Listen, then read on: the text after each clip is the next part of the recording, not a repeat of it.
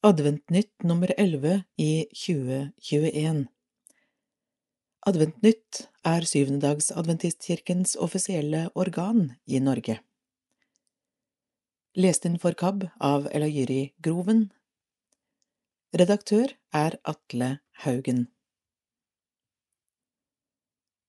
Leder Men fram til dess Setningene fra en sang med det svenske gospelkoret Koralarna fra 70-tallet har blitt hengende i hodet mitt siden jeg hørte den første gang. Visst skal det bli stort å få møtes, en dag ved målet for min vandring, sang de. Så kom koret, men fram til dess skal jeg gleva i en verd av behov, og her vil du ha mig at jeg den svage mod, så ge all den kraft som behøves for at ge, at noen et hopp og et mål man kan se. Det er adventstid hele året i adventistkirken. Forventningen om og lengselen etter Jesu gjenkomst har alltid stått sentralt i adventistkirken, ja, vi ble faktisk til på grunn av forventningene om at Jesus snart kommer igjen. Det venter vi på fortsatt, selv om det har gått drøye 160 år siden vi ble stiftet, og snart har blitt et mer relativt begrep. Selv om vi ser frem til at Jesus kommer, har ofte budskapen om tiden før han kommer, overskygget både selve gjenkomsten og spørsmålet om hva vi bør bruke ventetiden på.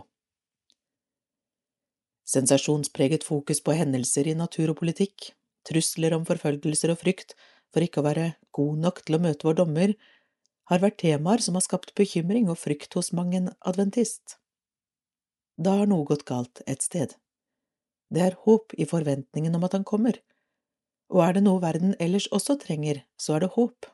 Frykt er det nok av, og det mangler ikke på undergangsprofeter i vår tid. Det eneste håpet de øyner, ligger i våre hender. Det er vi som kan og må redde verden, er budskapet deres. Som adventtroende deler vi ikke troen på at det er den endelige løsningen på problemene. Vi har et bedre håp. Skaperen og Frelseren kommer tilbake for å gjøre alle ting nye. Det er det håp i. Mens vi venter. Like fullt utfordres vi på hva vi skal gjøre fram til dess. Er det ikke all grunn til å ta budskapet om behov for omstilling i samfunnet på alvor? Har ikke materialismen gått for langt? Kan vi som kristne med god samvittighet fortsette å drive rovdrift på jordens ressurser? Hvor er det blitt av det kristne nøysomhetsidealet? Forvalteransvaret for skaperverket. I dette nummeret får vi to perspektiver på hvordan vi som tror på profetiene, samtidig bør forholde oss til aktuelle debatter nå i endetiden. På Facebook dukket det her om dagen opp et bilde av en gammel bokforside. Det var en adventistbok fra 40-tallet, som åpenbart ville presentere hvem adventistene er. Vi smiler, ergrer oss eller rødmer nok litt i dag over den helhvite glansbildefamilien, men jeg velger å fokusere på hva bildet egentlig prøver å si om oss. Vi adventister går fremtiden i møte med forventning. Selv om sykdom og ulykker rammer oss som andre, datterens gipsede arm. Vi har en misjon, vi vil hjelpe noen, i dette tilfellet er mannen lege. Vi møter fremtiden sammen som likeverdige og likestilte både menn og kvinner. Jeg tenker at mye av dette har preget vår menighet. Det siste punktet gjenstår det imidlertid fortsatt noen viktige vedtak om, det er en skam, men som du ser i dette bladet, er det flere enn oss som går foran og viser vei på dette feltet.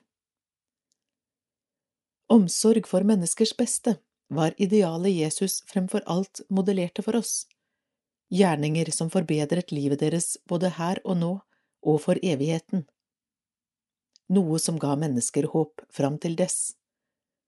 Det bør også vår ventetid handle om. Andre menneskers behov, ikke trusler mot oss selv. Siden vi vet hvem som kommer, har vi grunn til å være optimister hva fremtiden angår. Vi har profetord om at Gud vil være med sitt folk, og vårt perspektiv strekker seg lengre frem enn dagens dommedagsprofeter. Advent Nå er høsten over oss, og vintermørket senker seg. Men så kommer adventstiden i kalenderen med løfte om lys og håp. Vil det ikke være en god idé å ta i bruk nettopp adventstiden i år til å blankpusse vår visjon og misjon? Kanskje til og med på måter som bringer håp til noen som går i mørket? Jeg utfordrer derfor til kreativitet om hvordan vi som adventister kan ta tilbake adventstiden, for fram til dess, at Jesus kommer, er det håp vi er kalt til å dele med verden. Atle Haugen er redaktør i Adventnytt, men også pastor i Adventskirken Kornelius i Oslo. Adventistinfo Nyhetsbrev Adventistkirken sender et elektronisk nyhetsbrev hver uke. Du får de ferskeste nyhetene gratis til din e-postadresse. Du bestiller nyhetsbrevet på adventist.no. Følg oss på Facebook, facebook.com adventist.no. Adventnytt på nett. Du finner en elektronisk utgave av Adventnytt på Adventistkirkens nettsider adventist.no. Andre Petersbrev 3, 11–13 Når alt skal gå i oppløsning på denne måten, hvor hellig og gudfryktig bør dere ikke da leve, mens dere venter på at Guds dag skal komme, og fremskynder den? Men etter Hans løfte venter vi på en ny himmel og en ny jord, hvor rettferdighet bor. Aktivitetskalender November Femte til sjuende Parviken 7. november bønneseminar på Zoom med Line Nilsen klokken 18 til 20 6. til 13. november bønneuke 13. november Allengagert TV-sending fra Mjøndalen 14. november styremøte VND 13. til 19. november E-Week of Prayer for Youth and Young Adults 25. november pastorsamling på Zoom, ØND 27. november fotballcup Mjøndalen Desember Andre pastorsamling VND 5. desember styremøte ØND 6. desember styremøte ADRA 11. desember julekonsert TVS 11. til 12. desember styremøte DNU Menighetskalender November 6. til 13. bønn og fellesskapsuke 6. til trettende Global uke 13. november Offer, bønneukeoffer til Global misjon, GC og F 20. november Dagen for helse og miljø 20. november Offer, helse- og miljøarbeidet E Desember 4. Kristenforvaltning A er TD B er 50% TD og 50% DNU C er DNU D er distrikt E er 10% GC og 90% DNU. F er GC.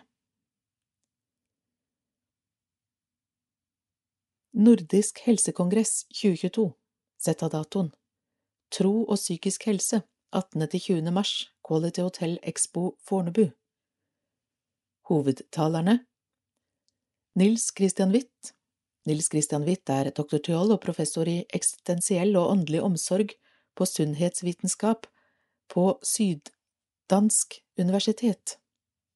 I sine foredrag redegjør Nils Christian Witt for ti års dansk grunnforskning på forholdet mellom tro og helse.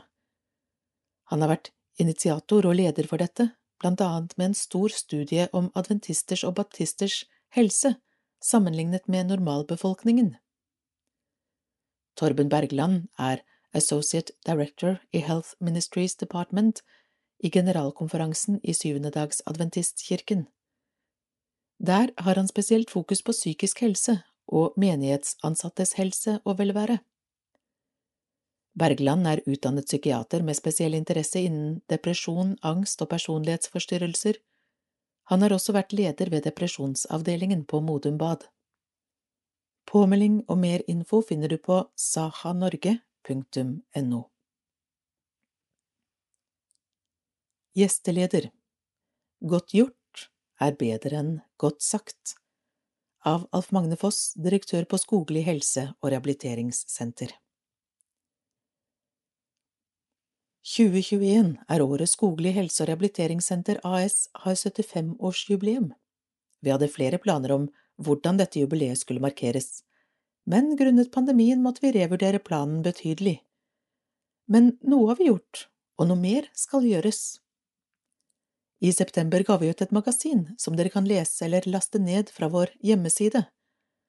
Ønsker noen av dere tilsendt en papirversjon, er det bare å ta kontakt. I magasinet forteller vi hva vi gjør, hvordan vi gjør det, og ikke minst hvorfor vi gjør det vi gjør. Skoglys hvorfor står i vår visjon. Skogli er et moderne rehabiliteringssenter grunnlagt på de kristne idealer om omsorg og nestekjærlighet, og arbeider derfor for å hjelpe mennesker til bedre helse og livskvalitet. Vi søker, innen våre definerte rammer, å følge Jesu eksempel i å yte medmenneskelig hjelp og behandle sykdommer. Personlig syns jeg denne visjonen er veldig flott, både hva den er grunnlagt på, men ikke minst at vi gjør så godt vi kan, innen våre rammer, for å formidle de samme verdier som Jesus gjorde. Det handler delvis om å formidle, og delvis om å gjøre.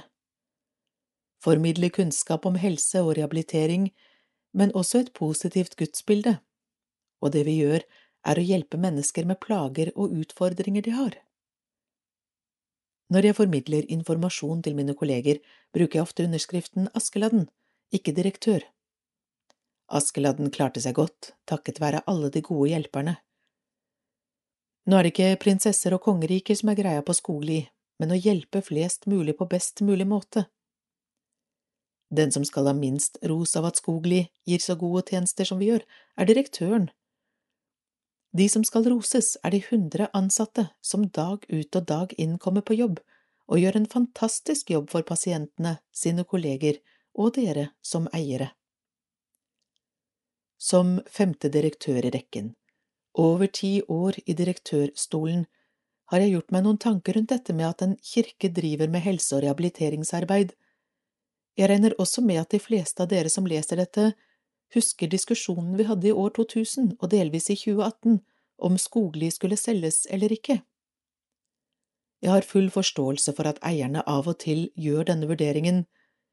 Selv om Skogli drives godt, både økonomisk og på andre måter, så er det forståelig at eierne vurderer salg når det blir færre og færre av adventister som jobber på Skogli, og det samtidig oppstår andre ønsker og behov innad i menigheten. Jeg husker at et av argumentene for salg var at andelen adventister av ansatte er synkende, for tiden er den på 20 prosent. Jeg ser og forstår argumentet, men velger heller å se det slik. Vi har 20 prosent adventister og 80 prosent andre kolleger som gjør en fantastisk lojal jobb for eierne. Det skal vi være veldig takknemlige for. Tenk om Skogli hadde vært et sted hvor folk som ikke deler troen vår, ikke ville jobbet. Det hadde vært trist. På Skogli møter vi mennesker. Vi møter mennesker med utfordringer med helsen, sosiale relasjoner og annet. Som oftest et komplekst og sammensatt bilde. Der møter vi dem, i deres utfordringer, med deres behov, ønsker og drømmer for fremtiden. Vi møter over 1500 mennesker hvert år mennesker som i de aller fleste tilfeller ikke har noen personlig relasjon til Jesus som frelser. Der møter vi dem. Hjelper, veileder og prøver ut fra de forutsetninger vi har, å gi dem et positivt gudsbilde, koblet sammen med alt det andre vi prøver å hjelpe dem med. Hver tredje til fjerde uke har jeg et foredrag om eierne for alle pasientene på Skogli. Der kommer det i snitt ca ti personer hver gang mennesker som oppsøker oss for å høre om hva vi adventister mener og tror. I løpet av mine ti år som direktør er det en del mennesker jeg har møtt på denne måten. Jeg føler meg privilegert, ydmyk og takknemlig som har denne muligheten. På Skogli tenker vi som Benjamin Franklin, godt gjort er bedre enn godt sagt.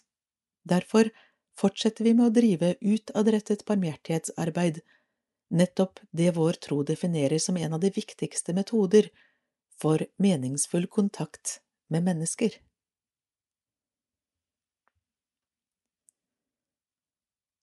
Nyheter Happy Hand gjenbruksbutikk åpner i Hole. Av Vidar Urseth Gullveig Guleng, styreleder for Happy Hand Hole, hadde visjonene på plass da hun ønsket ca 50 kunder velkommen til åpningsseremonien.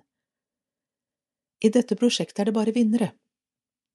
Frivillige hjelper i butikken, alle som donerer varer, miljøet og lokalsamfunnet ble fremhevet som vinnere.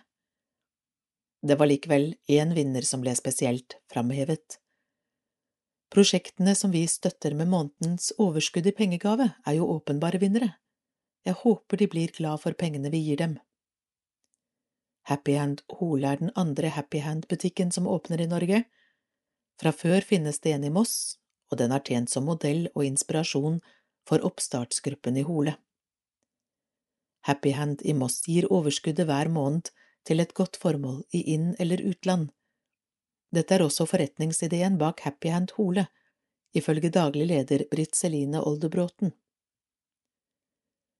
Når folk fra fjern og nær går sammen om å gi bort fine ting, så kan det bli til stor hjelp for andre.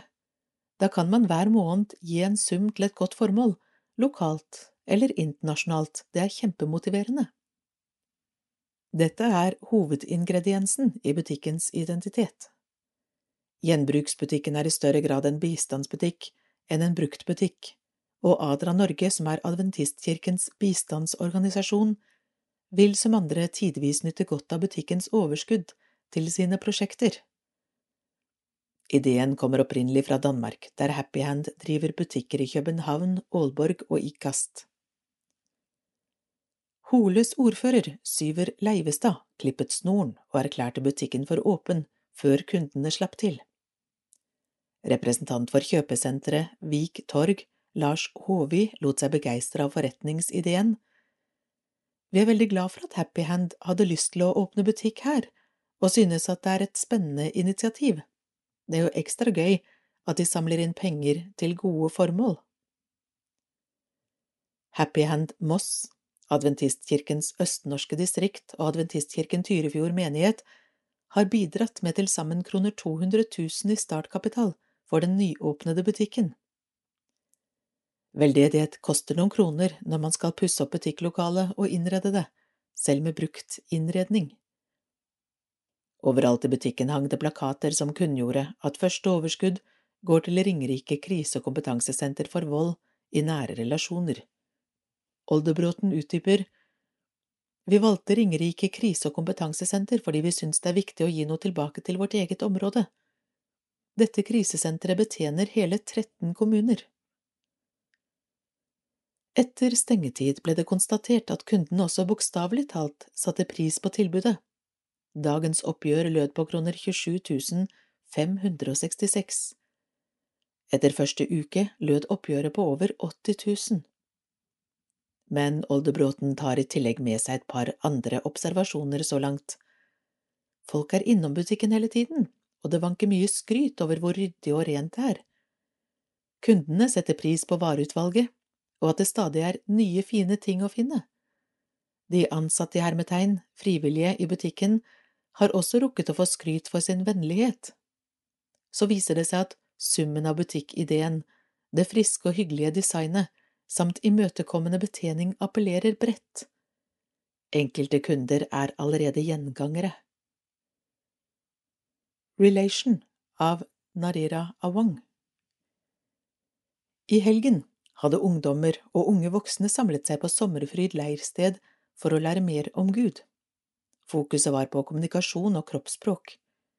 Der lærte vi om ulike nivåer av kommunikasjon med andre og med Gud. Harald Gisebrekt underviste om kroppsspråk, noe som er en viktig del av kommunikasjon. Kenneth Bergland snakket om kommunikasjonssvikt, og vi lærte også noe om konfliktløsning. Kjærlighetens fem språk ble også tatt opp. Temaet løftet frem vennskap og kjærlighet. Vi hadde også fysiske aktiviteter og bli kjent-leker, og uteaktiviteter i det vakre høstværet. Vi fikk sol på dagen og aktivt nordlys om kvelden. Fredrik Schneider og Tamra Wong tok seg tid til å lage god mat for oss i helgen. De serverte capresesalat, vegetarburger og muffins. Det var ordentlig restaurantmiddag med høst som tema. Deltakerne ble bedre kjent med hverandre og kunne ta med seg det de lærte videre i livet. Med få fysiske møter under pandemien var det godt å møte andre mennesker igjen. På Sommerfryd kan man styrke relasjoner med andre mennesker og Gud. God kommunikasjon fører til gode relasjoner. Husk meld adresseforandring. Hver måned får vi retur blader som ikke nådde fram til mottakeren. Gi oss beskjed når du skifter adresse, slik at du ikke går glipp av et viktig månedlig lyspunkt, Adventnytt. E-post ordre at norskbokforlag.no, telefon 32 16 15 60. Ungdom som ikke får Adventnytt Har du en sønn eller datter som har flyttet for seg selv i høst og nå bør få sitt eget abonnement på Adventnytt, gi oss beskjed om det. Bladet er gratis til alle medlemmer av Adventistkirken bosatt i Norge. Send navn og adresse på den som skal ha bladet til ordre at norskbokforlag.no, telefon 32 16 15 60. Connect av Sara Louise Andersen Helgen 10. til 12. september var det tenåringshelg på Vatneli skole i Sandnes. Temaet var kommunikasjon. Tenåringene ble delt opp i grupper som gjennom helgen diskuterte oppgaver gitt under forumsamlingene. Vi fikk vite om forskjellige måter å kommunisere på, og hvordan man kan forbedre kommunikasjonen med seg selv, Gud og sin neste. Vi fikk til og med flørtetips fra Miranda Mali.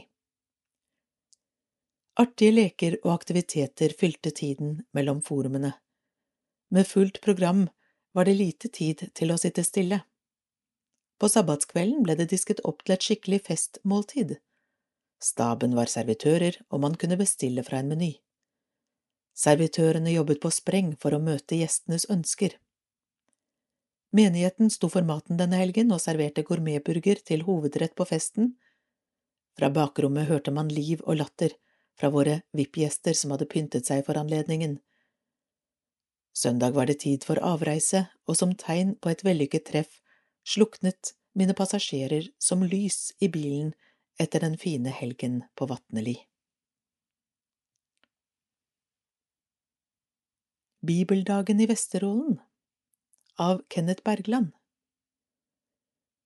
Den 4. september gikk menighetene i Hassel og Sortland kommuner sammen om å arrangere Bibeldagen i Vesterålen.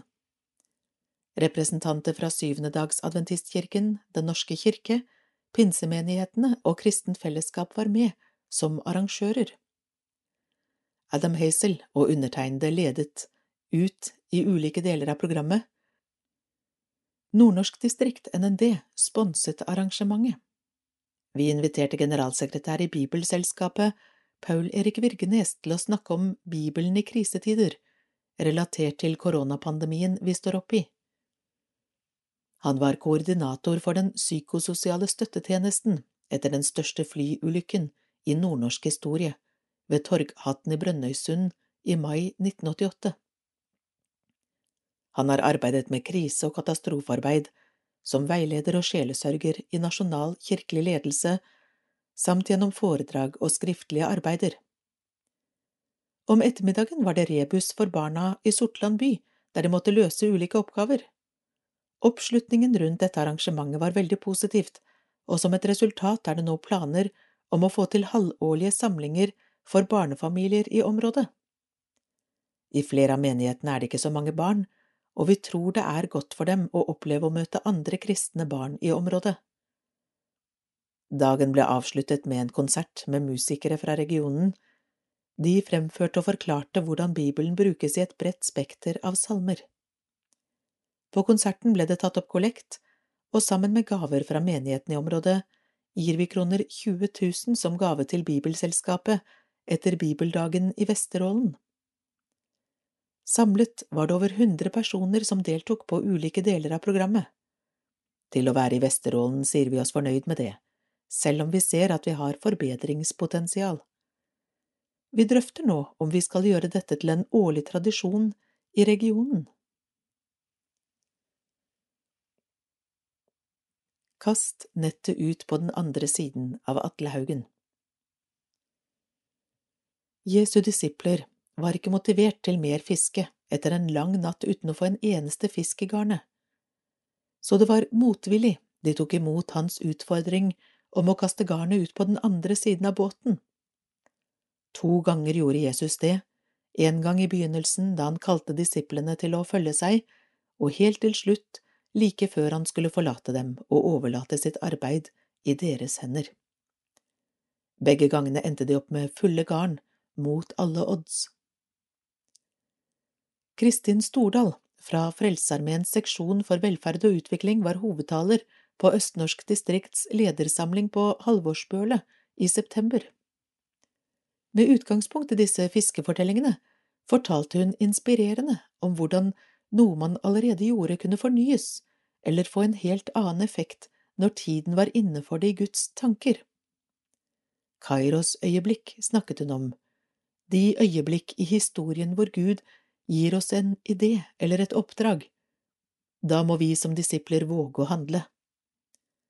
Gjennom glimt fra Frelsesarmeens historie og arbeid illustrerte hun dette.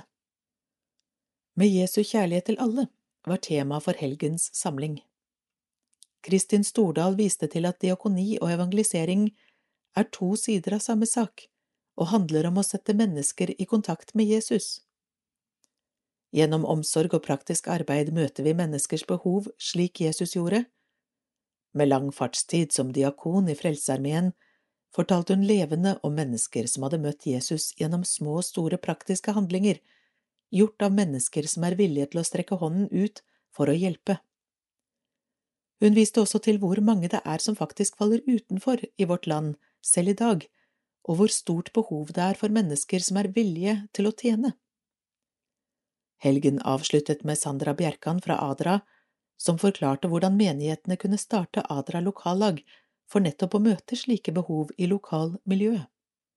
Kort sagt en helg som forhåpentligvis inspirerer til praktisk handling for å nå mennesker med Jesu kjærlighet. 322 000 til Adra-prosjekter av Tor Kjæransen Møllebakken skole og Bergen menighet med kjemperesultat i hjelpeaksjonen. Det ble et rekordresultat da Bergen menighet arrangerte markedsdag og Møllebakken skole arrangerte sponsorløp i år. Hele 322 000 kroner kom inn. Vi er selvsagt svært godt fornøyd med resultatene fra disse to arrangementene, sier pastor Arne Christian Andersen. Markedsdag med mange aktiviteter Onsdag 8. september var det markedsdag ved Adventistkirken i Bergen. Anne Beate Andersen var primus motor i opplegget, som omfattet mange aktiviteter. Blant aktivitetene utendørs var det Adra-løype, svampekast, fiskedam og skyting på blink. Helge Gjelland tilbød sykkelreparasjon, og det var faktisk mulig å få en hårklipp. Elever på skolen hadde laget nydelig mat og organisert en restaurant med spennende meny. Kelnere serverte i klasserom som var forvandlet til restaurant. En av lærerne bakte eksklusive og nydelige brød med Adra-logo. Inne ble det arrangert 15 minutters minikonserter til minimum kroner 50 i inngangsbillett. Arrangementet ble veldig godt mottatt i nabolaget, og markedsdagen ble et hyggelig treffpunkt mellom menighet og naboer. Til sammen kom det inn kroner 42 000 på markedsdagen ivrige elever på sponsorløp. Sponsorløpet 9. september ble en eventyrlig suksess.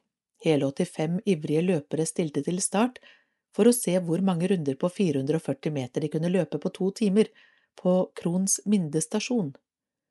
Tone Edmonds, en av lærerne på Møllebakken skole, var den store inspirasjonskilden og organisatoren. Til sammen kom det inn 280 000 kroner på sponsorløpet. Tone Edmonds hadde utfordret elevene til å løpe flere runder enn hun selv kunne klare. De skulle få kroner 50 per runde de klarte å slå Tone med. Hun klarte å løpe 37 runder, det er 16 kilometer på to timer. Men seks elever klarte å løpe lenger på den tilmålte tiden. Elliot Gjelland klinket til med hele 41 runder og 18 kilometer.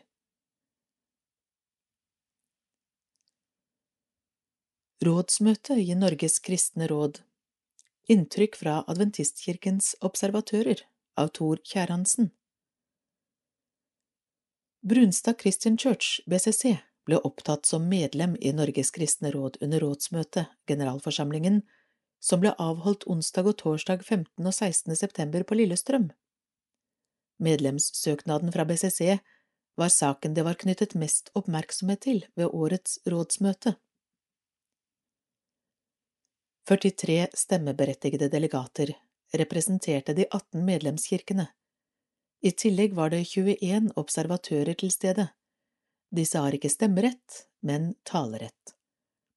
Syvendedagsadventistkirken hadde to observatører til stede, Marianne Dyru, organisasjonssekretær i DNU, og Tor Kjærhansen, avdelingsleder for samfunnskontakt og religionsfrihet. De mange negative medieoppslagene om BCC de siste årene var nok hovedårsaken til at delegasjonene fra Den norske kirke og Metodistkirken ønsket seg noe mer tid før de var klare til å ta den endelige beslutningen om medlemskap for BCC. Etter avstemningen var forstander i BCC, Harald Kronstad, svært lettet over at kirkesamfunnet nå er fullverdig medlem i NKR etter nesten to år som observatører. Den islandske menigheten i Norge ble også tatt opp som fullverdig medlem under rådsmøtet. Et mangfold av meninger.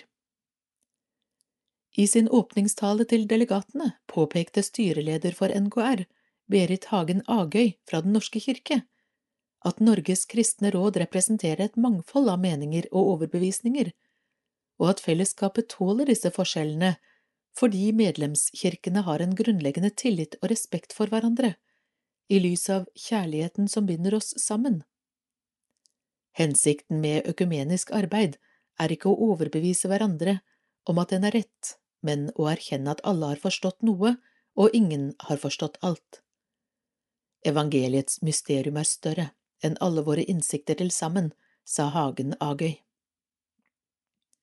Hun minnet også om at Gud har gitt oss et oppdrag om å ta vare på skaperverket og fremme fred og rettferdighet.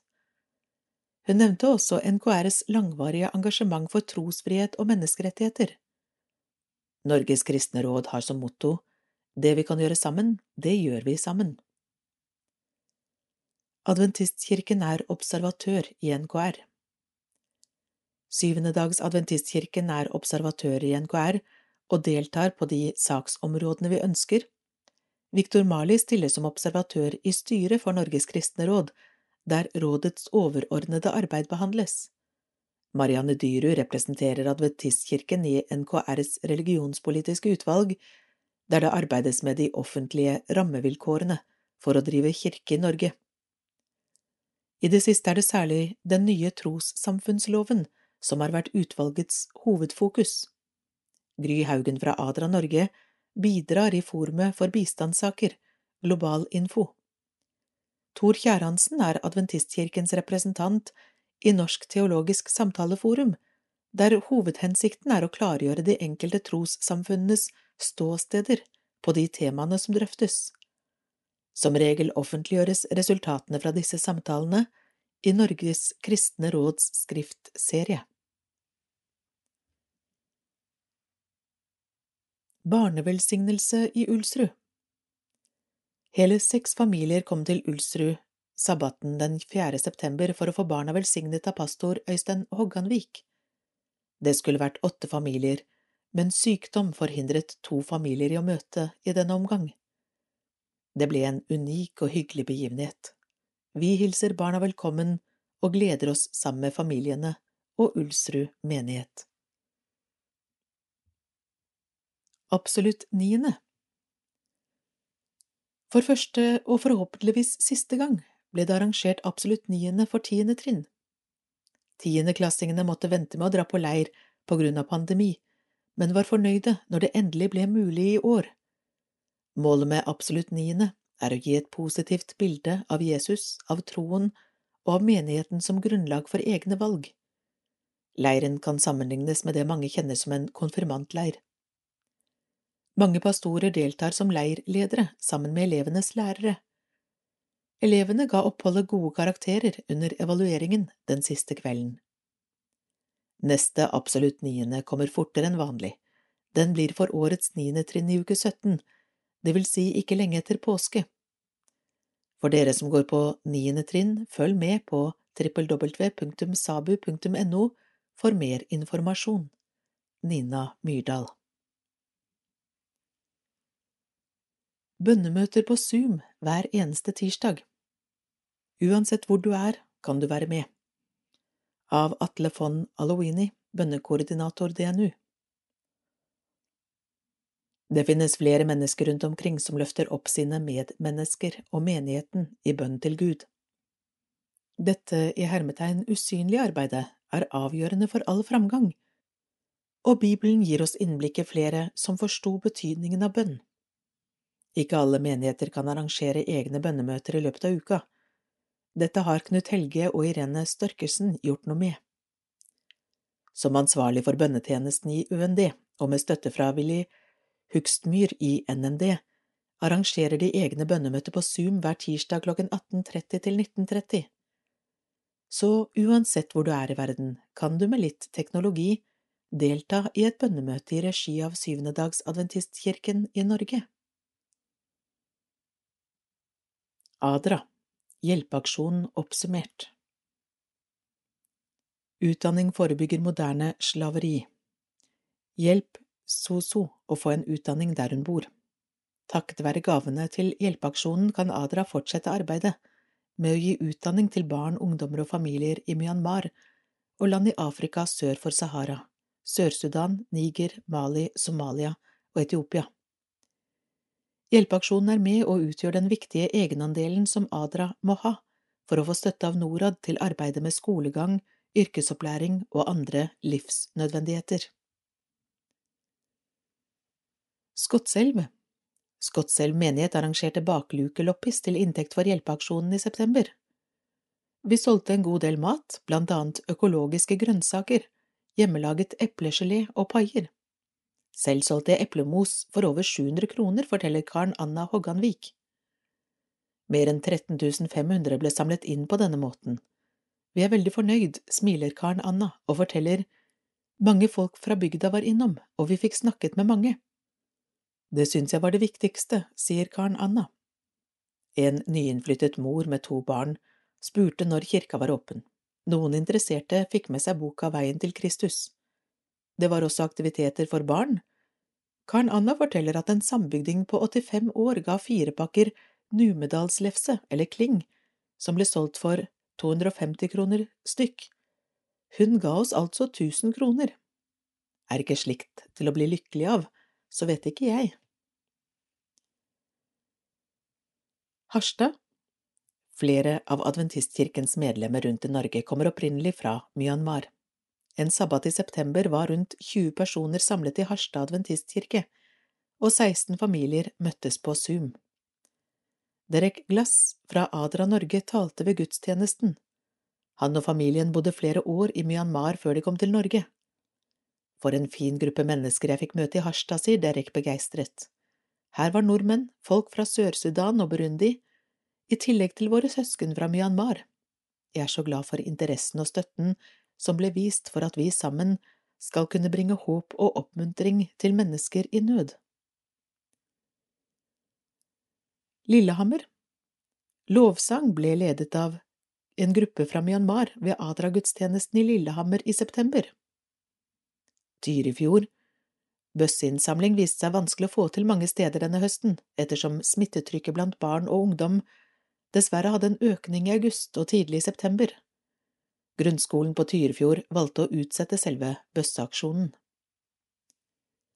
Bergen Kroner 330 000 er ny rekord for hjelpeaksjonen ved Møllerbakken skole i Bergen.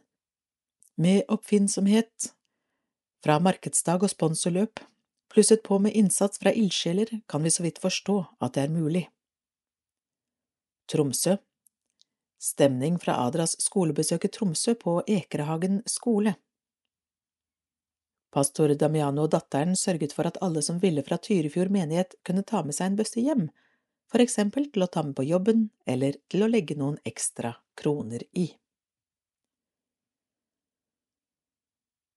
Gladnyhet Ti millioner ekstra fra Norad til Myanmar På bakgrunn av den ekstra krevende situasjonen etter kuppet i Myanmar dette året, og alle behovene i landet knyttet til utdanning, har Adra mottatt ti millioner i ekstratilskudd fra Norad til arbeidet. Denne glade meldingen kom idet Adventnytt for november skulle i trykken. Alle engasjert, aktiv bønneuke for Adra, 13. november klokken 19. Etikk Seminar om abort av Heidi Ranvik Jensen Onsdag 25. august inviterte Saha, syvendedagsadventistenes helsearbeiderforening, til seminar om abort og etiske dilemmaer. Bakgrunnen var den pågående abortdebatten etter at Ap og SV våren 2021 programfestet utvidelse av selvbestemt abort til henholdsvis 18. og 22. svangerskapsuke. Til å belyse etiske dilemmaer rundt abort og senabort hadde vi invitert nestleder i Jordmorforbundet, Kristin Holanger, og lege og førsteamanuensis Morten Magelsen ved Senter for medisinsk etikk ved UiO. Kristin Holanger tok utgangspunkt i at senaborter er mer belastende for både kvinnen og helsepersonell. Hun viste til krevende situasjoner jordmødre kan bli stående i med barn som lever en stund etter aborten. Jordmødrene er også bekymret for at kvinner som står i et dilemma, der de selv ønsker å beholde barnet, men ikke har nødvendig støtte, kan oppleve mer press til abort ved en utvidelse av abortloven. I en fersk undersøkelse blant Jordmorforbundets medlemmer benyttet i dag 6 prosent av 450 jordmødre seg av reservasjonsretten når det gjaldt å bistå kvinner ved abort. Om grensen for selvbestemt abort ble flyttet til 18. uke, ville en av fire reservere seg. Ved 22. uke ville nesten halvparten ta i bruk reservasjonsretten. 75 prosent av jordmødrene mente at dagens abortlov og abortnemndene bør bestå. Kristin Holanger pekte på at vi har historisk lave aborttall i Norge, med 11 081 utførte svangerskapsavbrudd i 2020. Det innebærer en abortrate på under 10 per tusen kvinner i alderen 15 til 49 år. Hun viste til at nåværende abortlov har hatt god oppslutning i befolkningen. Den balanserer hensynet til kvinnens selvbestemmelse og vekting av fosterets rett til liv med økende svangerskapslengde på en god måte. Morten Magelsen belyste deretter i sin forelesning kristenetiske perspektiver i abortspørsmålet.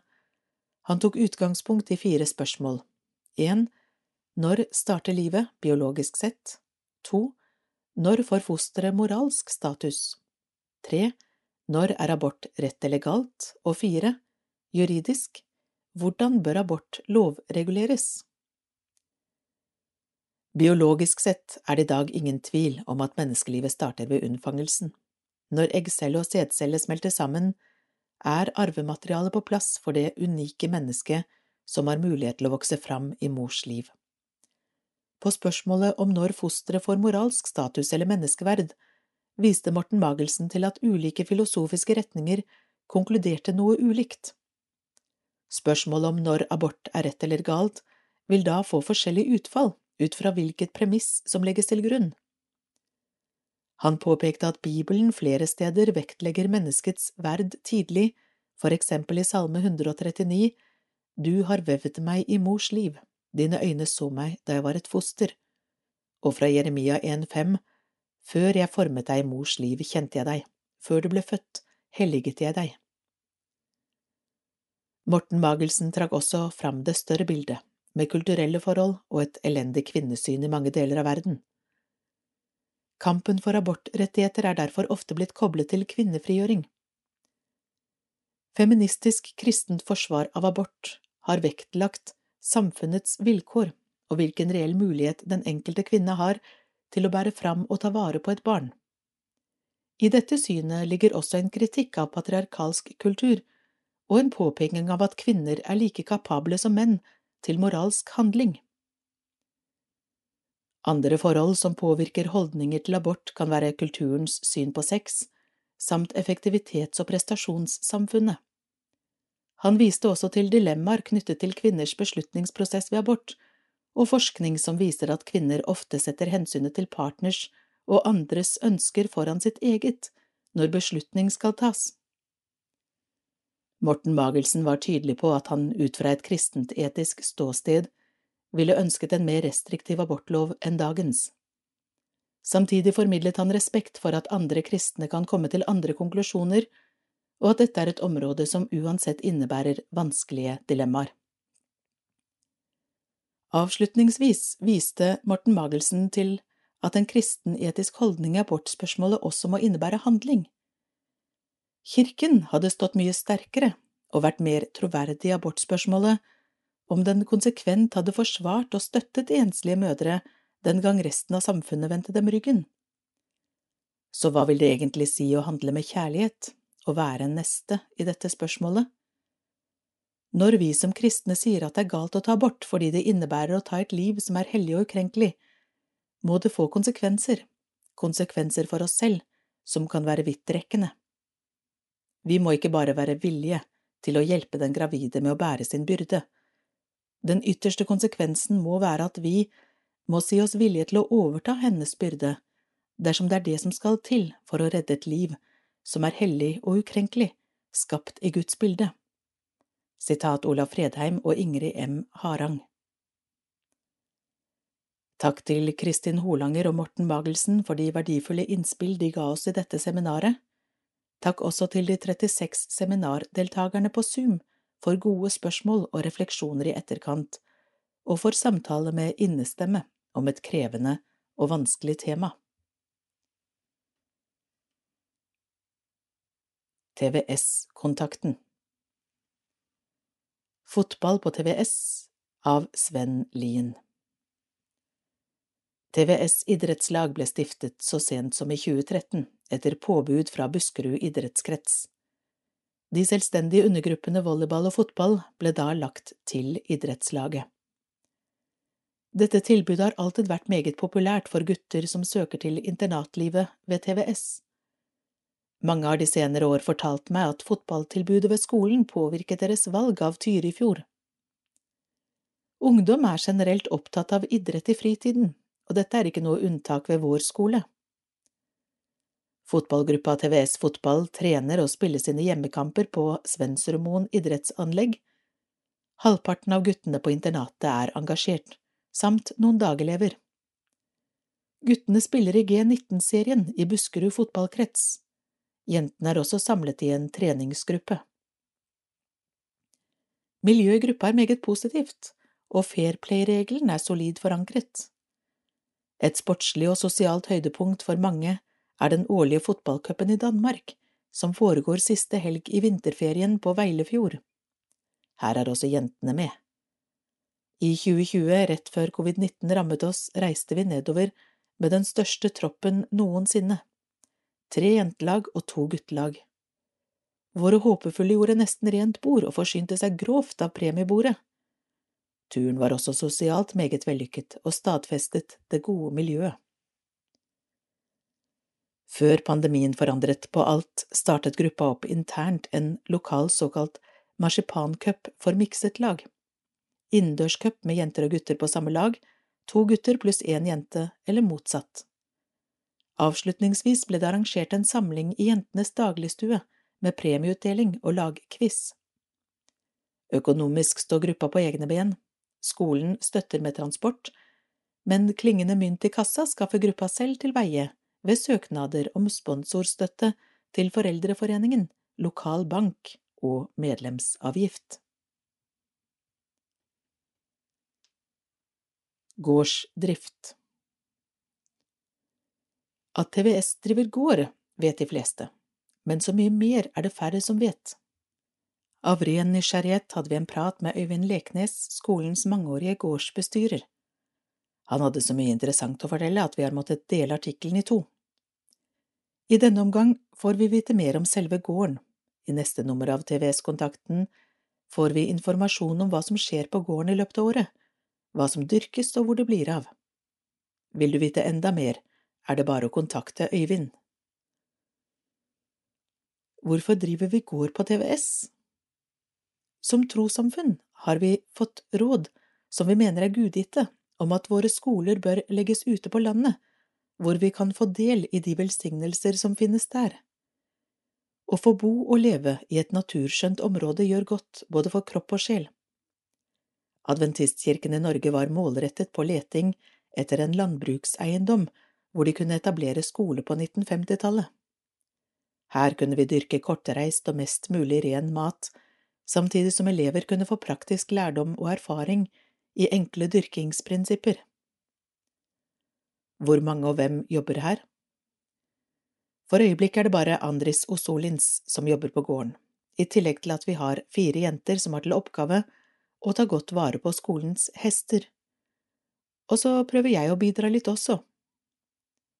Hvor stor er gården? Hele skolens eiendom er ca 250 mål, av dette har vi 115 mål som er dyrket mark. Hvor er driftsbygningen? Gården har en stor driftsbygning oppe ved hovedveien ikke langt fra nedkjøringen til skolen. Driftsbygningen er fra 1918 og ble modernisert for 40 år siden.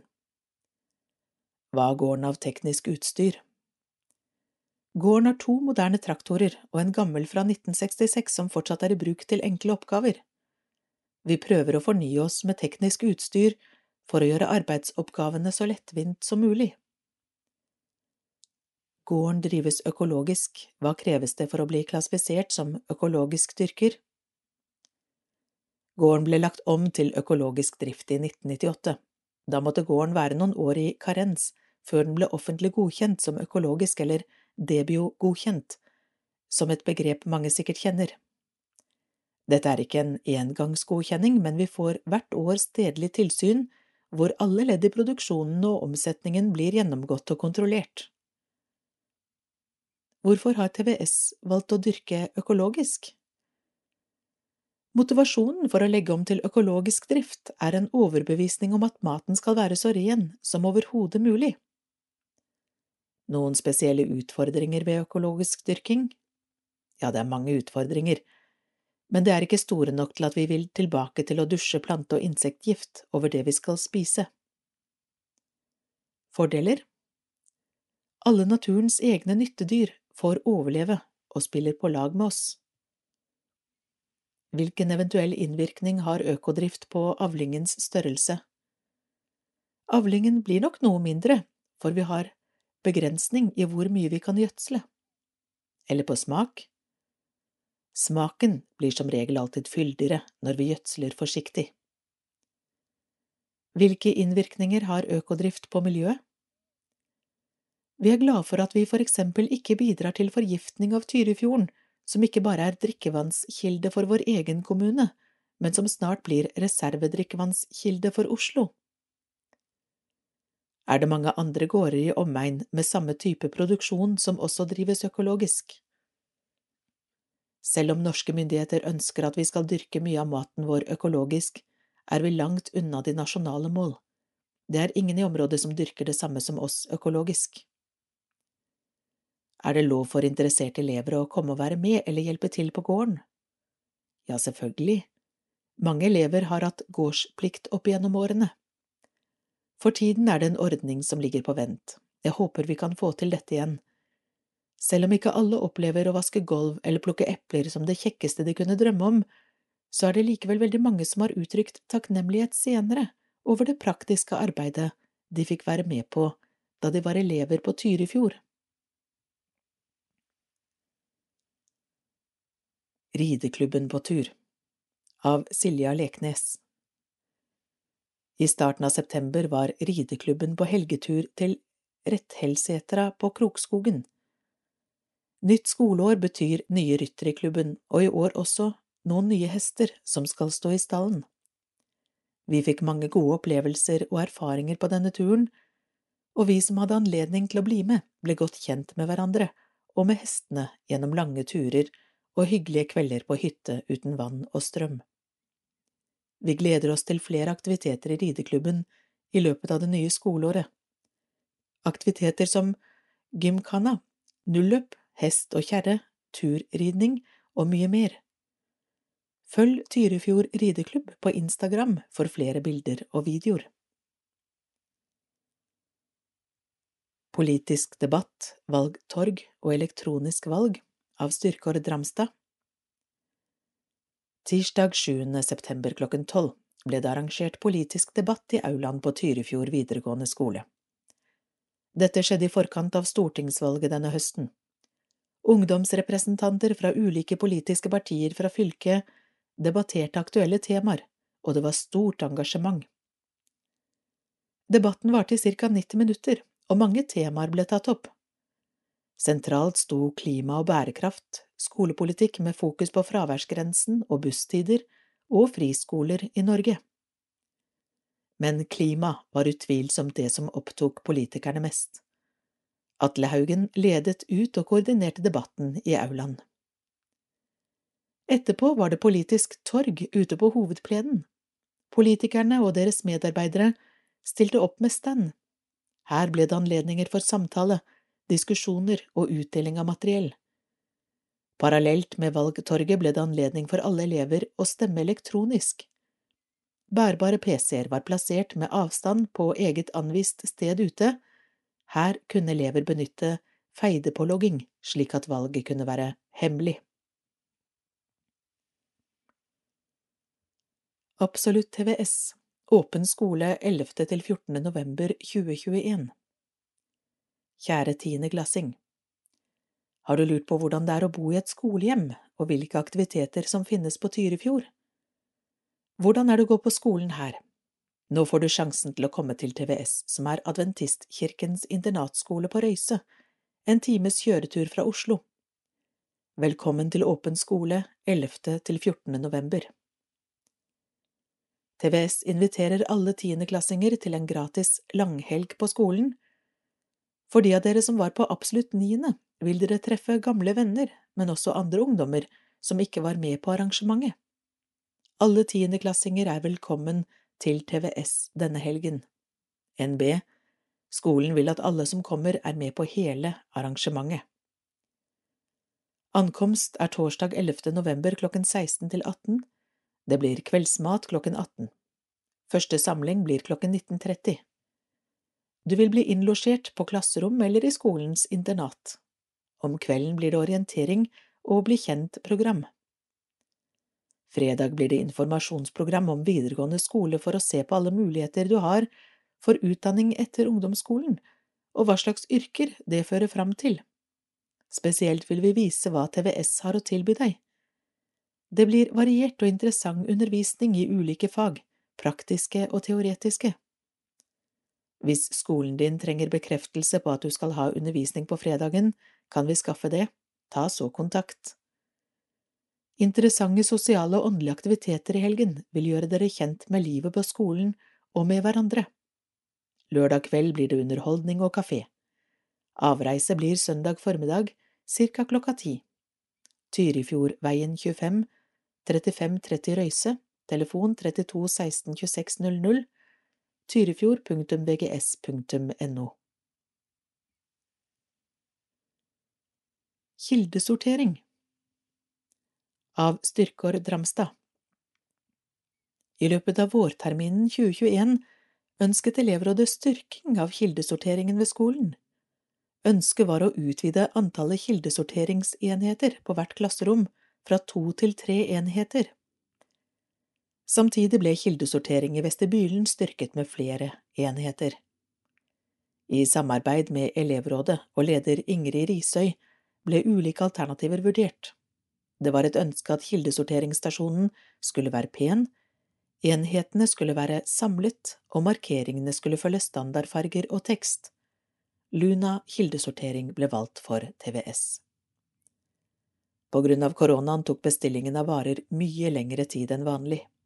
Leverandøren i England fikk levert sorteringsstasjonene i august, og stasjonene var på plass til første skoledag. Renholdsansvarlig, Agash Netsayevs, er fornøyd med samarbeidet og valg av løsning.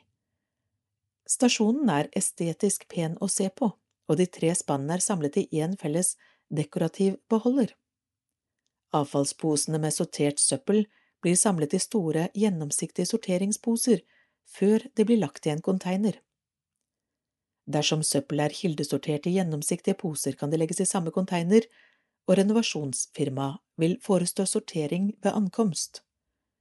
På TVS er det konteiner for papp og papir, blandet søppel for matavfall, elektronisk avfall, glass og metall, batterier og lyspærer med mere blir også kildesortert. Rektor har ordet av Styrkeord Ramstad. Når tiden blir skrudd tilbake en time og kalendersiden i boka blir bladd om, er vi i november. Dagene er korte og mørket har overtatt for tider på døgnet som før var lyse og trivelige. Vær og vind rusker og river. På en måte representerer disse sterke skiftene i årstider også skiftene i menneskelivet. Livet leves i møtepunktene mellom vår og høst, lys og mørke, glede og sorg, latter og tårer.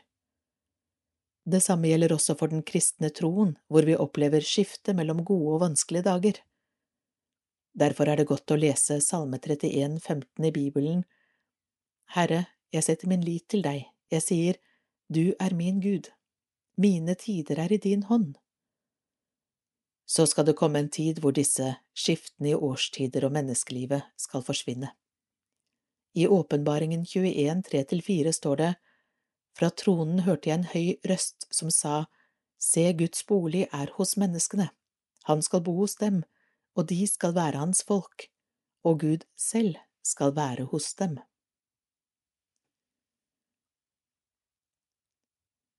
La deg inspirere av våre flotte kokebøker. Nå er de fleste blader falt av trærne, og noen av oss har sett den aller første snøen. Det er en litt mørk tid, og da er det ekstra fint å tenne lys og bruke litt mer tid på kjøkkenet. Vi ønsker deg og dine en smakfull og fin høst. Surad mat som medisin Med disse 150 lekre vegetariske oppskriftene kan du gjøre deg selv og din familie en tjeneste for med den riktige maten kan du ta opp kampen mot de ernæringsmessige årsakene til våre vanligste kroniske lidelser, kroner 449. Jorge de Pamplona Roger, drikk som medisin. Helsen vår tar mer og mer skade av den moderne livsstilen. Nettopp derfor er det viktig å ta i bruk den helsebringende kraften som finnes i sunne drikker. Disse drikkene er velsmakende, de bidrar til kroppens velvære og bekjemper og forebygger mange sykdommer, kroner 449. Bjørn Olav Nordahl, Kind of Green I Kind of Green får du ikke bare 132 varierte vegetariske oppskrifter, du får også små øyeblikkshistorier, du får være med på morsomme restaurantbesøk, og du får reiseberetninger fra hele kloden, norsk tekst, krone 399. Bjørn Olav Nordahl, Enda grønnere. Dette er en kokebok med inspirasjon fra hele verden, vegetariske oppskrifter og fremgangsmåter med levende øyeblikksopplevelser som ledsagere, kroner 429. Til mange store glede nærmer adventstiden seg på nytt. Våre adventsbøker med ekte fortellinger fra gamle dager har gitt mange gode stunder i desember. Har du ikke sikret deg dem ennå, så kan de varmt anbefales. De kan også kjøpes enkeltvis. Jul i våre hjerter, én og to, kjøp begge for kroner 250. Norsk Bokforlag, besøk vår hjemmeside for informasjon om og bestilling av våre produkter, nordbok.no, ta kontakt på ordre at norskbokforlag.no, eller ring oss på 32 16 15 60, ordretelefon. Nyheter. Tyrifjord Radio har skiftet eier og navn. Radio Formmedia av Gunnar Jørgensen Etter over 36 års drift har Tyrifjord videregående skole, TVS, overlatt eierskapet og ansvaret for driften av Tyrifjord Radio til en frivillig forening. Eierskiftet ble gjennomført fra 1. januar 2021 og alle konsesjoner og skifte av lokaler ble gjennomført i løpet av første kvartal. Nå tar radioen mål av seg, i tillegg til å være en populær lokal FM-radio, til også å være en landsdekkende kristen webradio med forankring i lokale menigheter som ønsker å støtte radioen. Noen få år etter at kulturminister Lars Roar Langslett avsluttet kringkastingsmonopolet, startet Tyrifjord Radio sine offisielle sendinger den 25. mars 1985. De første årene hadde radioen over ti elevarbeidere, pliktarbeidere, og alle hverdager var det et lokalt nyhetsprogram, Tyrifjorden Rundt. Mot slutten av 1990-tallet ga TVS opp å drifte radioen, og Norsk Bokforlag overtok ansvaret for driften. Senere ble den lagt inn under Unionens medieavdeling. Fram til den tid hadde radioen en lønnet ansatt til å drive radioen, men den stillingen ble trukket tilbake i 2003, og siden da har radioen vært drevet av frivillige fram til nå. Eierskifte TVS har ikke hatt ressurser til å drive radioen de senere årene, og til slutt var de økonomiske reservene brukt opp. Dette til tross for bistand fra lokale menigheter og en frivillig forening som ble opprettet for å skaffe støtte til driften av radioen. Da koronatiden kom, ble det enda mindre tid til å fokusere på radioen, og det ble vedtatt å overlate eierskap og driften av Tyrifjord Radio til Støtteforeningen, som samtidig ble omdøpt til Form Media. Skolens styre ønsket at radioen skulle få nytt navn, og slik gikk det til at Tyrifjord Radio nå heter Radio Form Media. Visjoner Det er vel neppe noen tvil om at interessen for radiodrift i adventistkirken har sunket betraktelig siden mediemonopolet ble brutt, tidlig på 1980-tallet. Mens det for en del år siden var sendinger på over ti steder i landet, er det nå sendinger bare i Gjøvik, Toten, Oslo, Bergen og Tyrifjord. Dette til tross for at Statistisk sentralbyrås årlige mediebarometer viser at fjernsyn, radio og avis fortsatt er de store mediene i Norge. Selv om den gjennomsnittlige tiden nordmenn bruker på radio har sunket med tiden, er det fortsatt mange lyttere. Det er også blitt langt flere radiokanaler enn før, men oppslutningen av lokalradio på FM har økt noe siden NRK og de andre store aktørene forlot FM-båndet i 2017. Selvsagt er mye av trafikken overført til internett, men også der er det jo fjernsyn, radio og avis. Tyrifjord Radio valgte i 2018 ikke å gå over til DAB, men heller fortsette på FM og satse på digital webradio via internett. Dette er noe Form Media allerede har lagt et grunnlag for å utvikle videre, ved at det er opprettet en kanal på YouTube for formidling av både radiolyd og video.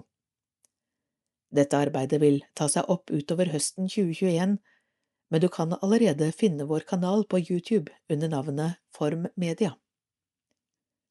Utadrettet Tyrifjord Radio har hele tiden hatt som målsetning å formidle bibelbasert forkynnelse, opplysning om helse og livsstil, programmer om natur og samfunn og andre programmer til allmennheten.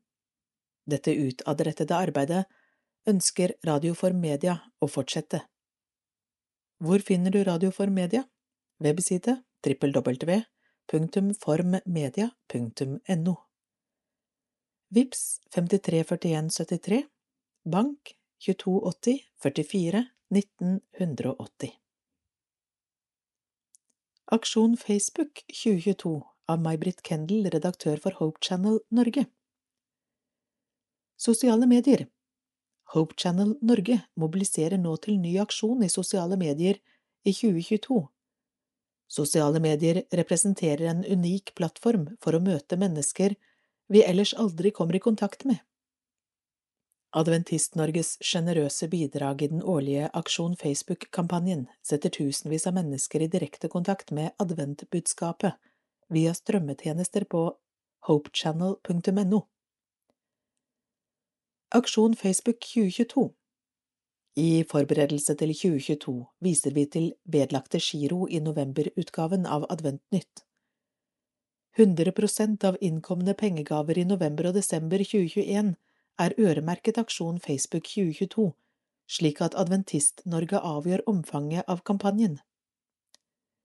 Evangeliseringspakken Det gode liv I flere år har det vært etterspurt nytt norsklaget materiale til bruk i evangelisering, som gir en grundig gjennomgang av adventistkirkens doktriner, slik vi i gamle dager brukte Lones lysbildeserie. En slik komplett pakke lanseres under navnet Det gode liv i 2022.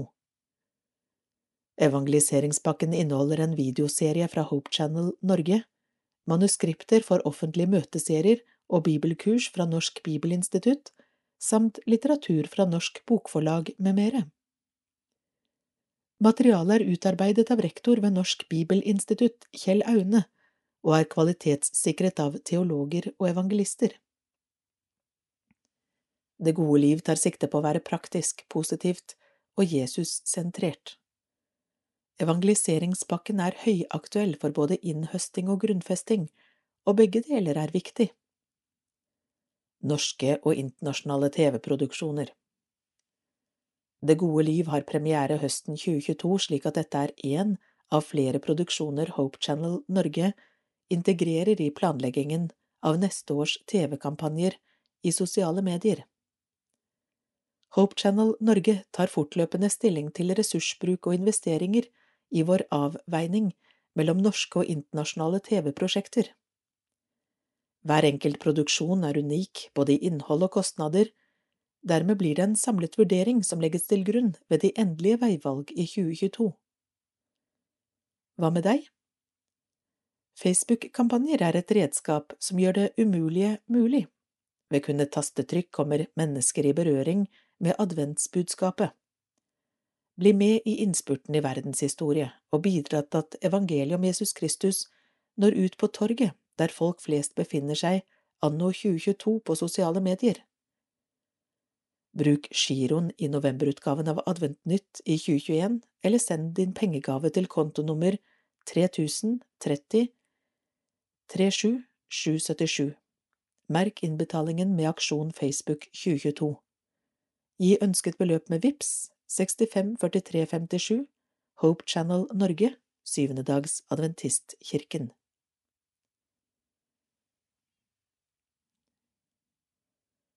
Apokalypsen nå? spørsmålstegn av Kenneth Bergland.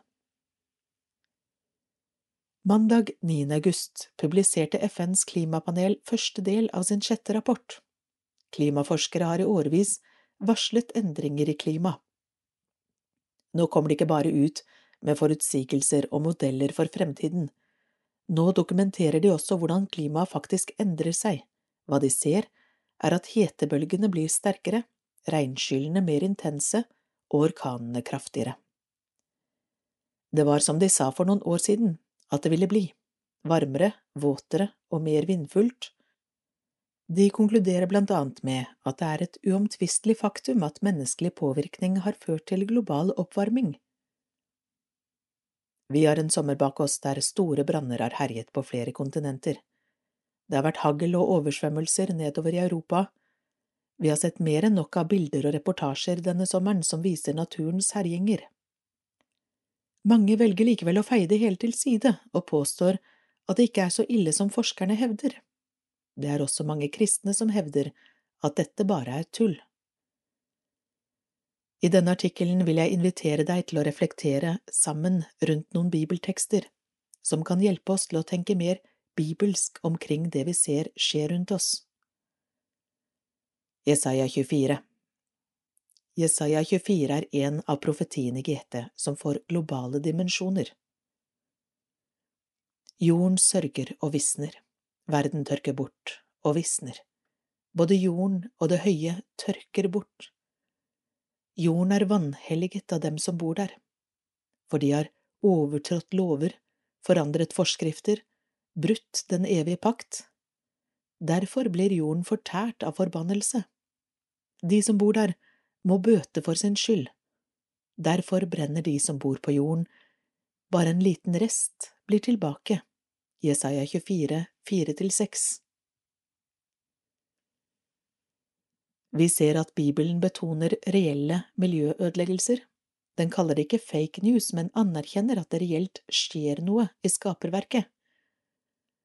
Og dette er ikke enestående. Det er et gjennomgående perspektiv i de profetiske bøkene.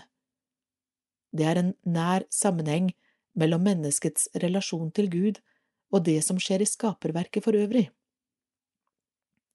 Jesaja 24 har en særegen årsaksforklaring på miljøkrisen. Den kommer ikke alene på grunn av overforbruk og manglende måtehold, men er symptomatisk for et mer generelt åndelig og moralsk forfall i samfunnet. Mer spesifikt er det en sammenheng mellom det å adlyde Guds lov og miljøødeleggelser. Vi lever i en kultur som har erklært Gud for død. Bibelen og Guds lov anses ikke lenger som autoritet, og Jesaja 24 påstår at det ikke er annet å forvente at dette også får utslag i form av miljøødeleggelser. Slik jeg ser det, er derfor ikke løsningen å fornekte hva som er i ferd med å skje rundt oss i naturen, men heller å sette det inn i den åndelige og moralske sammenhengen som Bibelen gjør. Både før og etter syndefallet får mennesket ansvar for å forvalte jorden. Første Mosebok 1.28, 2.15, 3.23 Og det er noe vi som kaller oss syvendedagsadventister som hevder å holde sabbat, dagen for å minnes skaperen og skaperverket må forstå. Er det mulig å feire sabbaten den sjuende dagen og opptre som en miljøsynder sju dager i uken?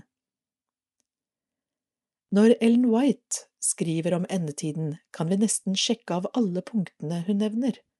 Branner, tordenvær, haglvær, stormer, oversvømmelser, jordskjelv, tørke, hungersnød, pandemier osv.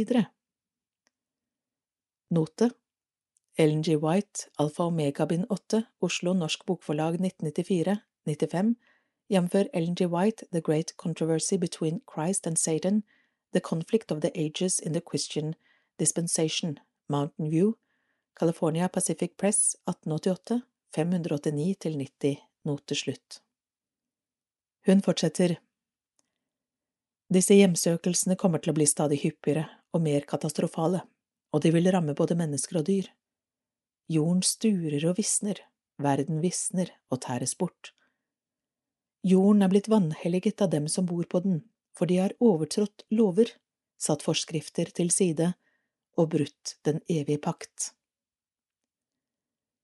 Så vil den store bedrageren få folk til å tro at de som tjener Gud, er skyld i disse ulykkene. De som på denne måten har fremkalt himmelens mishag, vil legge skylden for alle sine plager på dem som på grunn av lydighet mot Guds bud er en stadig anklage mot overtredere. Note White Alfa Omega bind 895, jf. White The Great Controversy 589 til 90. Note slutt. Kjenner du igjen hvilken tekst Ellen White kommenterer her? Det er Jesaja 24. Hun fornektet ikke klimaendringene.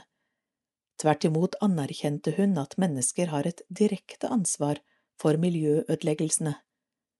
Men akkurat som Jesaja 24 så hun også en åndelig dimensjon bakenfor.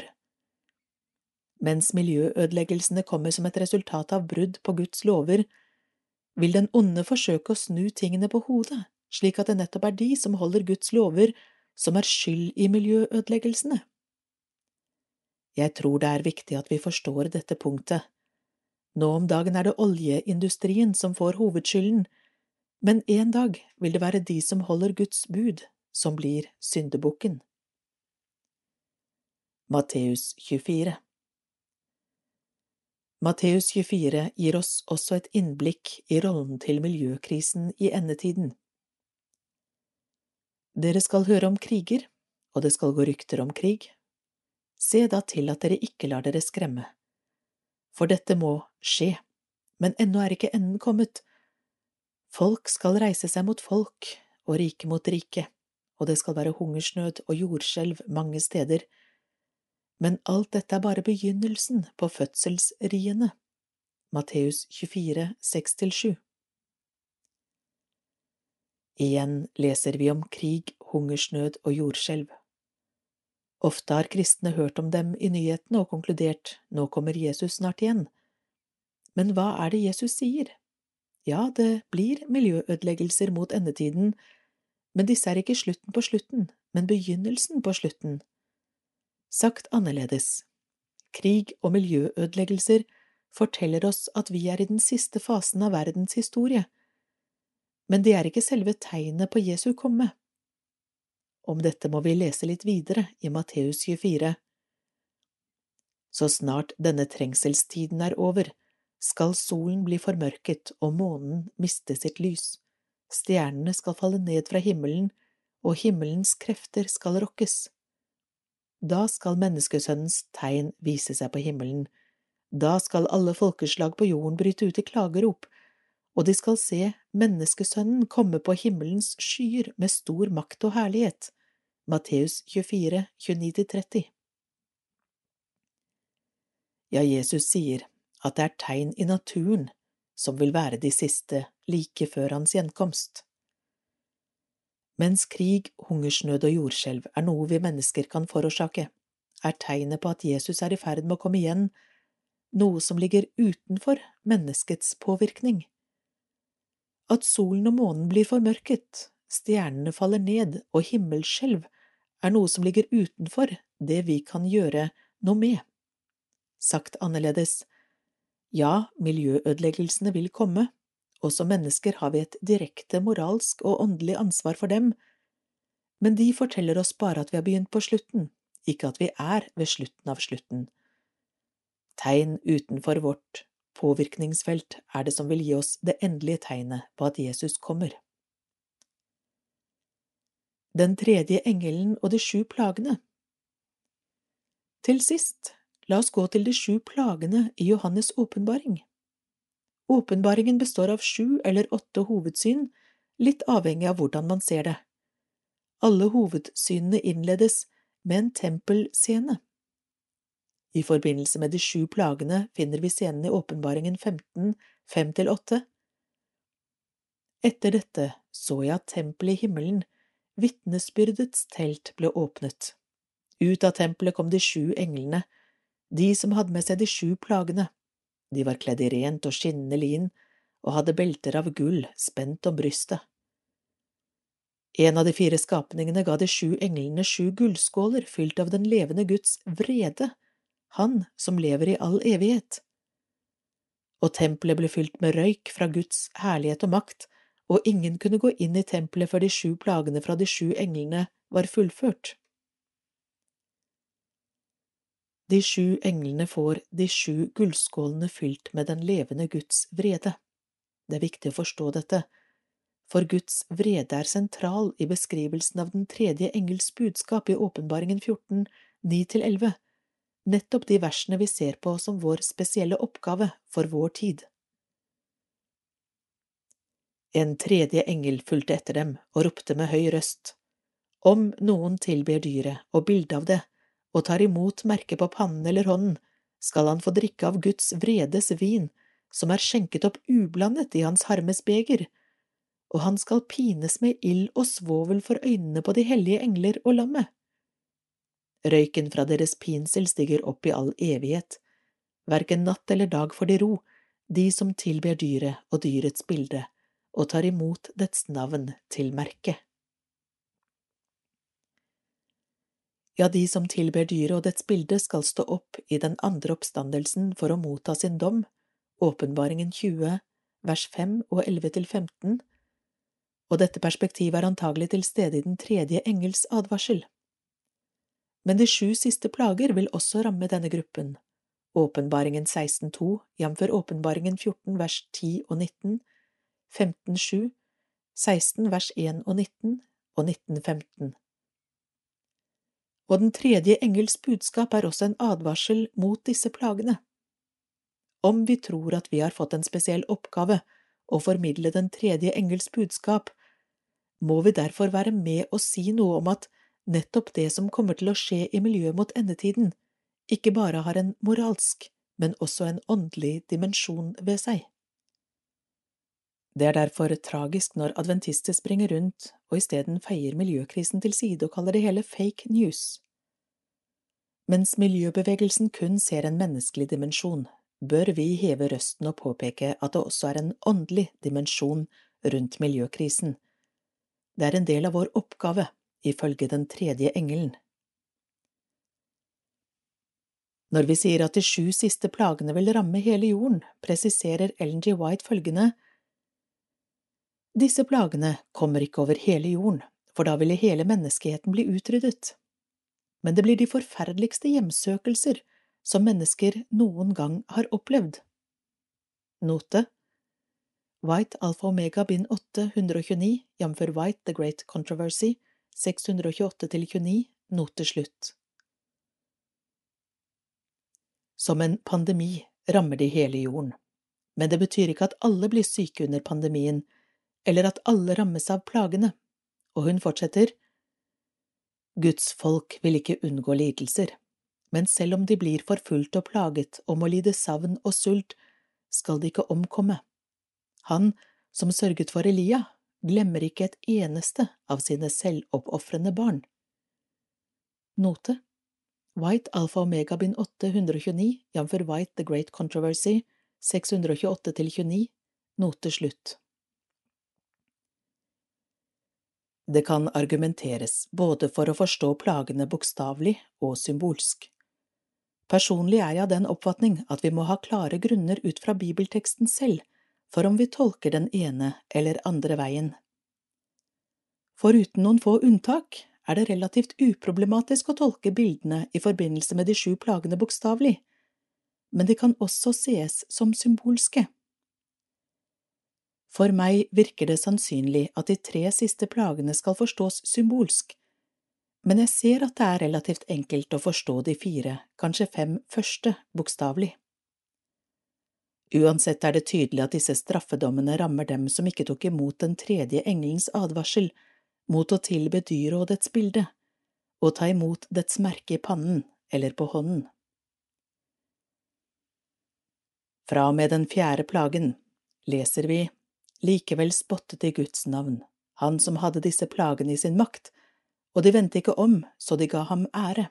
Åpenbaringen 16,9 Etter den femte plagen står det, Men de spottet himmelens Gud for smertene og byllene sine, og de vendte ikke om fra sine gjerninger, åpenbaringen 1611. Og med den sjuende engelen og den sjuende plagen leser vi Den sjuende engelen tømte sin skål ut i luften. Da lød det fra tronen i tempelet en høy røst som sa, Det er skjedd. Og det kom lyn og drønn og tordenbrak og et kraftig jordskjelv som det ikke har vært maken til så lenge det har levd mennesker på jorden, så kraftig var det. Den store byen ble kløvd i tre deler, og folkeslagenes byer ble lagt i grus. Gud glemte ikke det store Babylon, og lot det få begeret med hans harmes og vredes vin. Hver øy ble borte, og fjellene forsvant. Fra himmelen falt store hagl, så tunge som en talent nedover menneskene. Men de spottet Gud for plagen med haglet, for plagen var stor og forferdelig Åpenbaringen 16, 17–21 Når bibelteksten velger en språkdrakt som klart gir Gud en aktiv rolle i dommen, hvordan kan da mange si at det betyr noe annet eller det motsatte? Har vi da forstått teksten, eller har vi bare prestert å omgå den? Og er det en nødvendig motsigelse mellom Guds karakter og trofasthet på den ene siden og det at han faktisk utøver makt i dommen på den andre siden. Står vi ikke i fare for å nedtone den etisk-eksistensielle dimensjonen ved tekstene når vi skaper en motsetning her?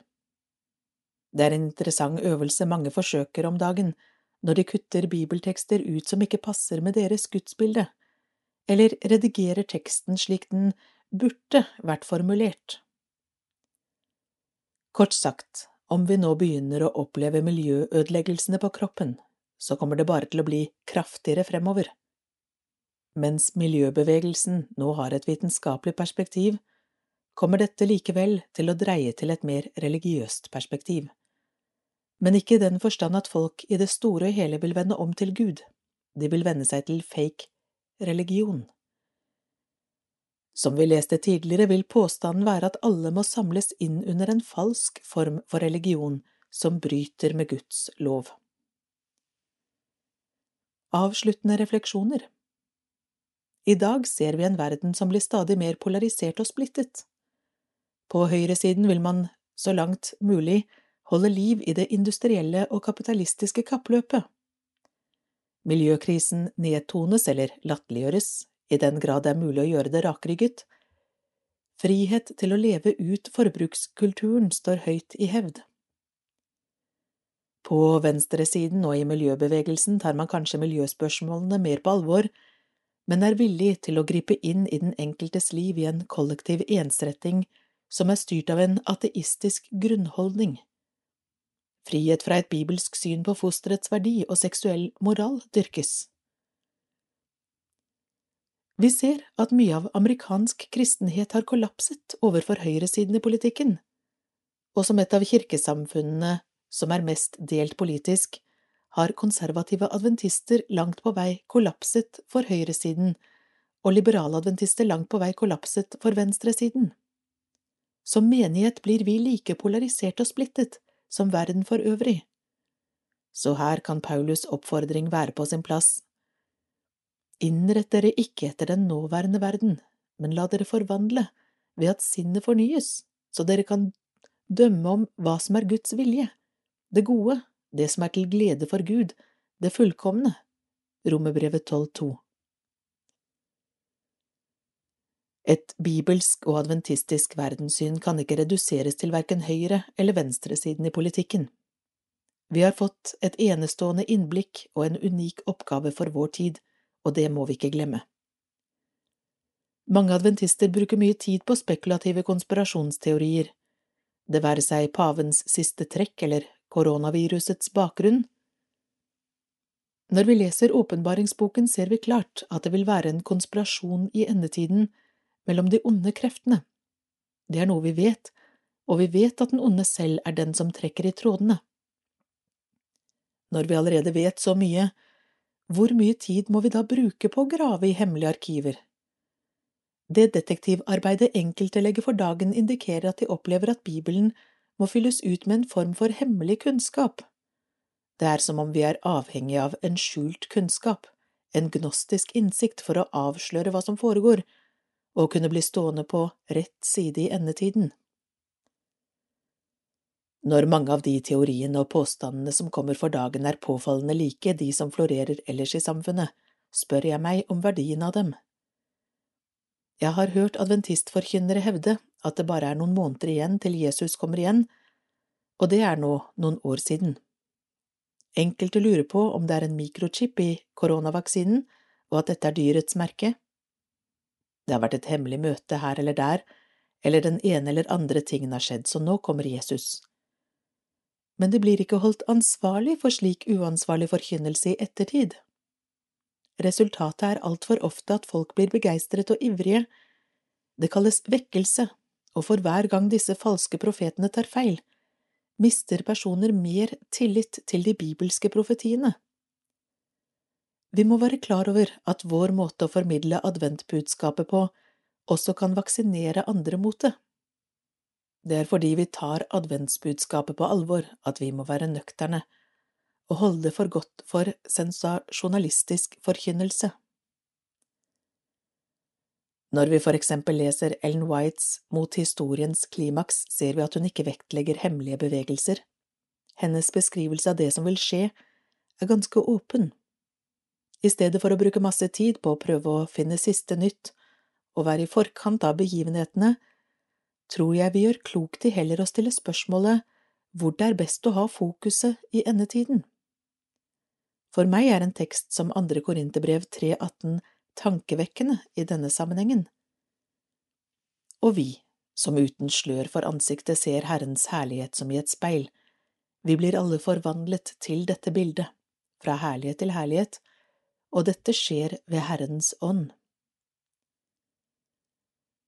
Vi sier gjerne at dette er livsloven om forvandling ved beskuelse.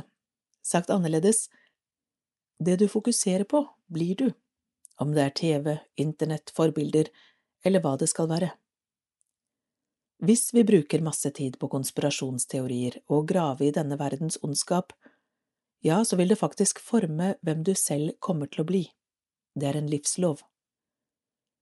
La oss derfor, som Paulus skriver, rette ansiktet mot Gud i denne tid, slik at vi ikke blir forvandlet etter den nåværende verden, men heller at sinnet blir fornyet ved et stadig fokus på Kristus og Gud. Det gode, det som er til glede for Gud, det fullkomne, Romerbrevet 12,2. Til avslutning, la oss gå til Lukas' versjon av Jesu tale om endetiden. For Jesus sier også noe om hvor vårt fokus bør ligge når alle disse tingene begynner å skje. Vi kan lett lese Lukas 21,28 som at når Jesus kommer igjen i himmelens skyer, det er da vi må rette hodet opp og se mot ham. Men Jesus sier at når miljøkrisene tar til for fullt, når tegnene på himmelen viser seg forut for hans komme, det er da vi må rette oss opp og løfte hodet mot ham, fokusere på ham, for det er like før vi skal bli satt fri. Det skal vise seg tegn i sol og måne og stjerner, og på jorden skal folkene bli grepet av angst og rådløshet i larmen fra hav og brenninger. Mennesker skal forgå av redsel og gru for det som kommer over jorden. For himmelens krefter skal rokkes. Da skal de se menneskesønnen komme i skyen med stor makt og herlighet.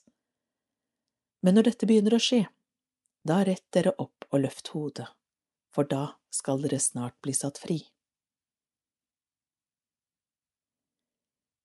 Klima Klimaforandringer i lys av profetiene og den store strid mellom godt og ondt Av Paul B. Petersen, prest i København og Holbæk menigheter Bibelen legger ikke skjul på at vi blir holdt ansvarlige for vår handlemåte. Gud har gitt oss frihet, og frihet innebærer ansvar. De bibelske profetier setter fokus på dommens dag, på hva som ofte kalles Herrens vredes dag, hvor Gud både befrir og krever til regnskap, både utdeler belønning og ødelegger dem som ødelegger jorden. Nå kommer ansvarets time. Taler det profetiske ord også om klimaforandringer, hører det med til å ødelegge jorden. Bibelens kall til å vise respekt og vise omsorg for naturen er tydelig.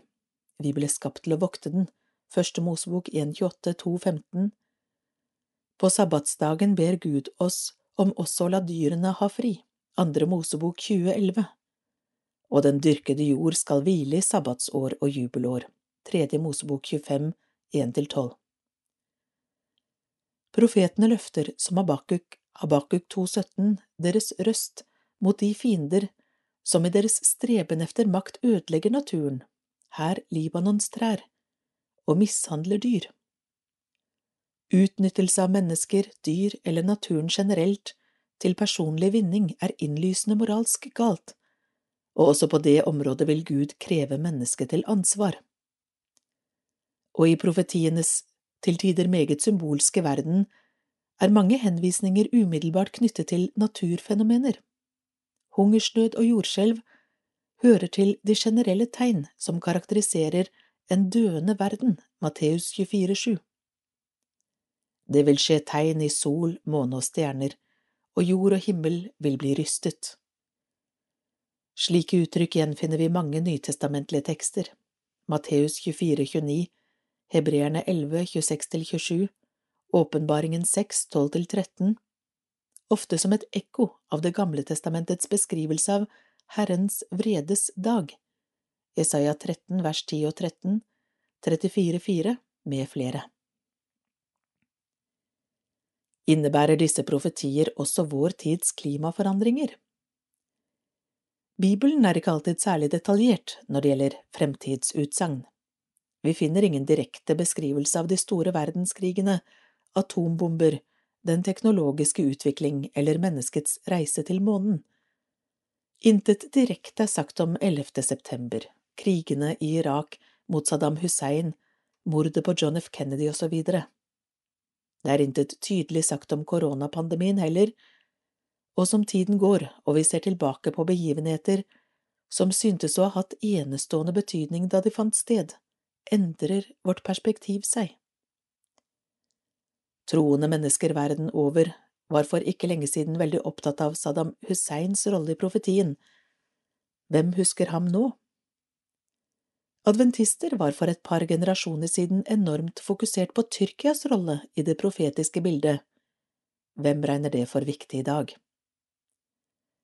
Det er godt og viktig å være opptatt av de store verdensbegivenheter, vi lever tross alt i deres skygge, og det er betydningsfullt at vår kultur, etter å ha vært svært innadvendt og psykologisk granskende i en periode, er bedre i stand til å se utover og være oppmerksom på menneskehetens globale utfordringer.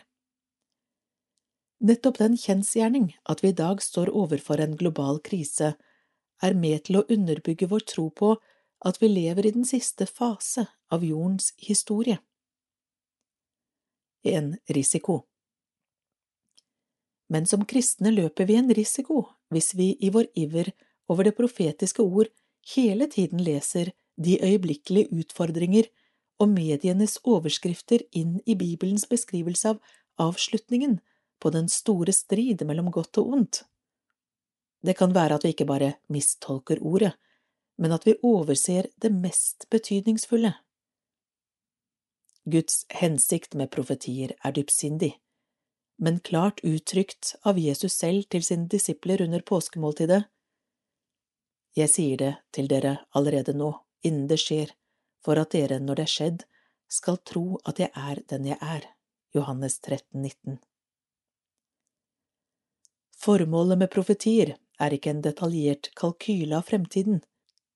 Jesus gir oss profetier for at vi, når de blir oppfylt, kan se tilbake, forstå hvor vi befinner oss i kjeden av historiske profetier, styrke vår tro på Hans guddomsmakt og få tillit til Hans ledelse også i fremtiden.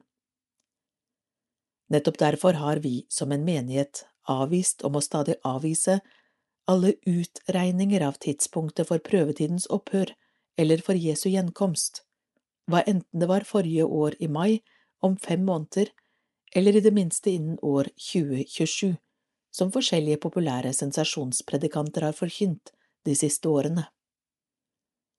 Finnes det da ikke profetier om fremtiden?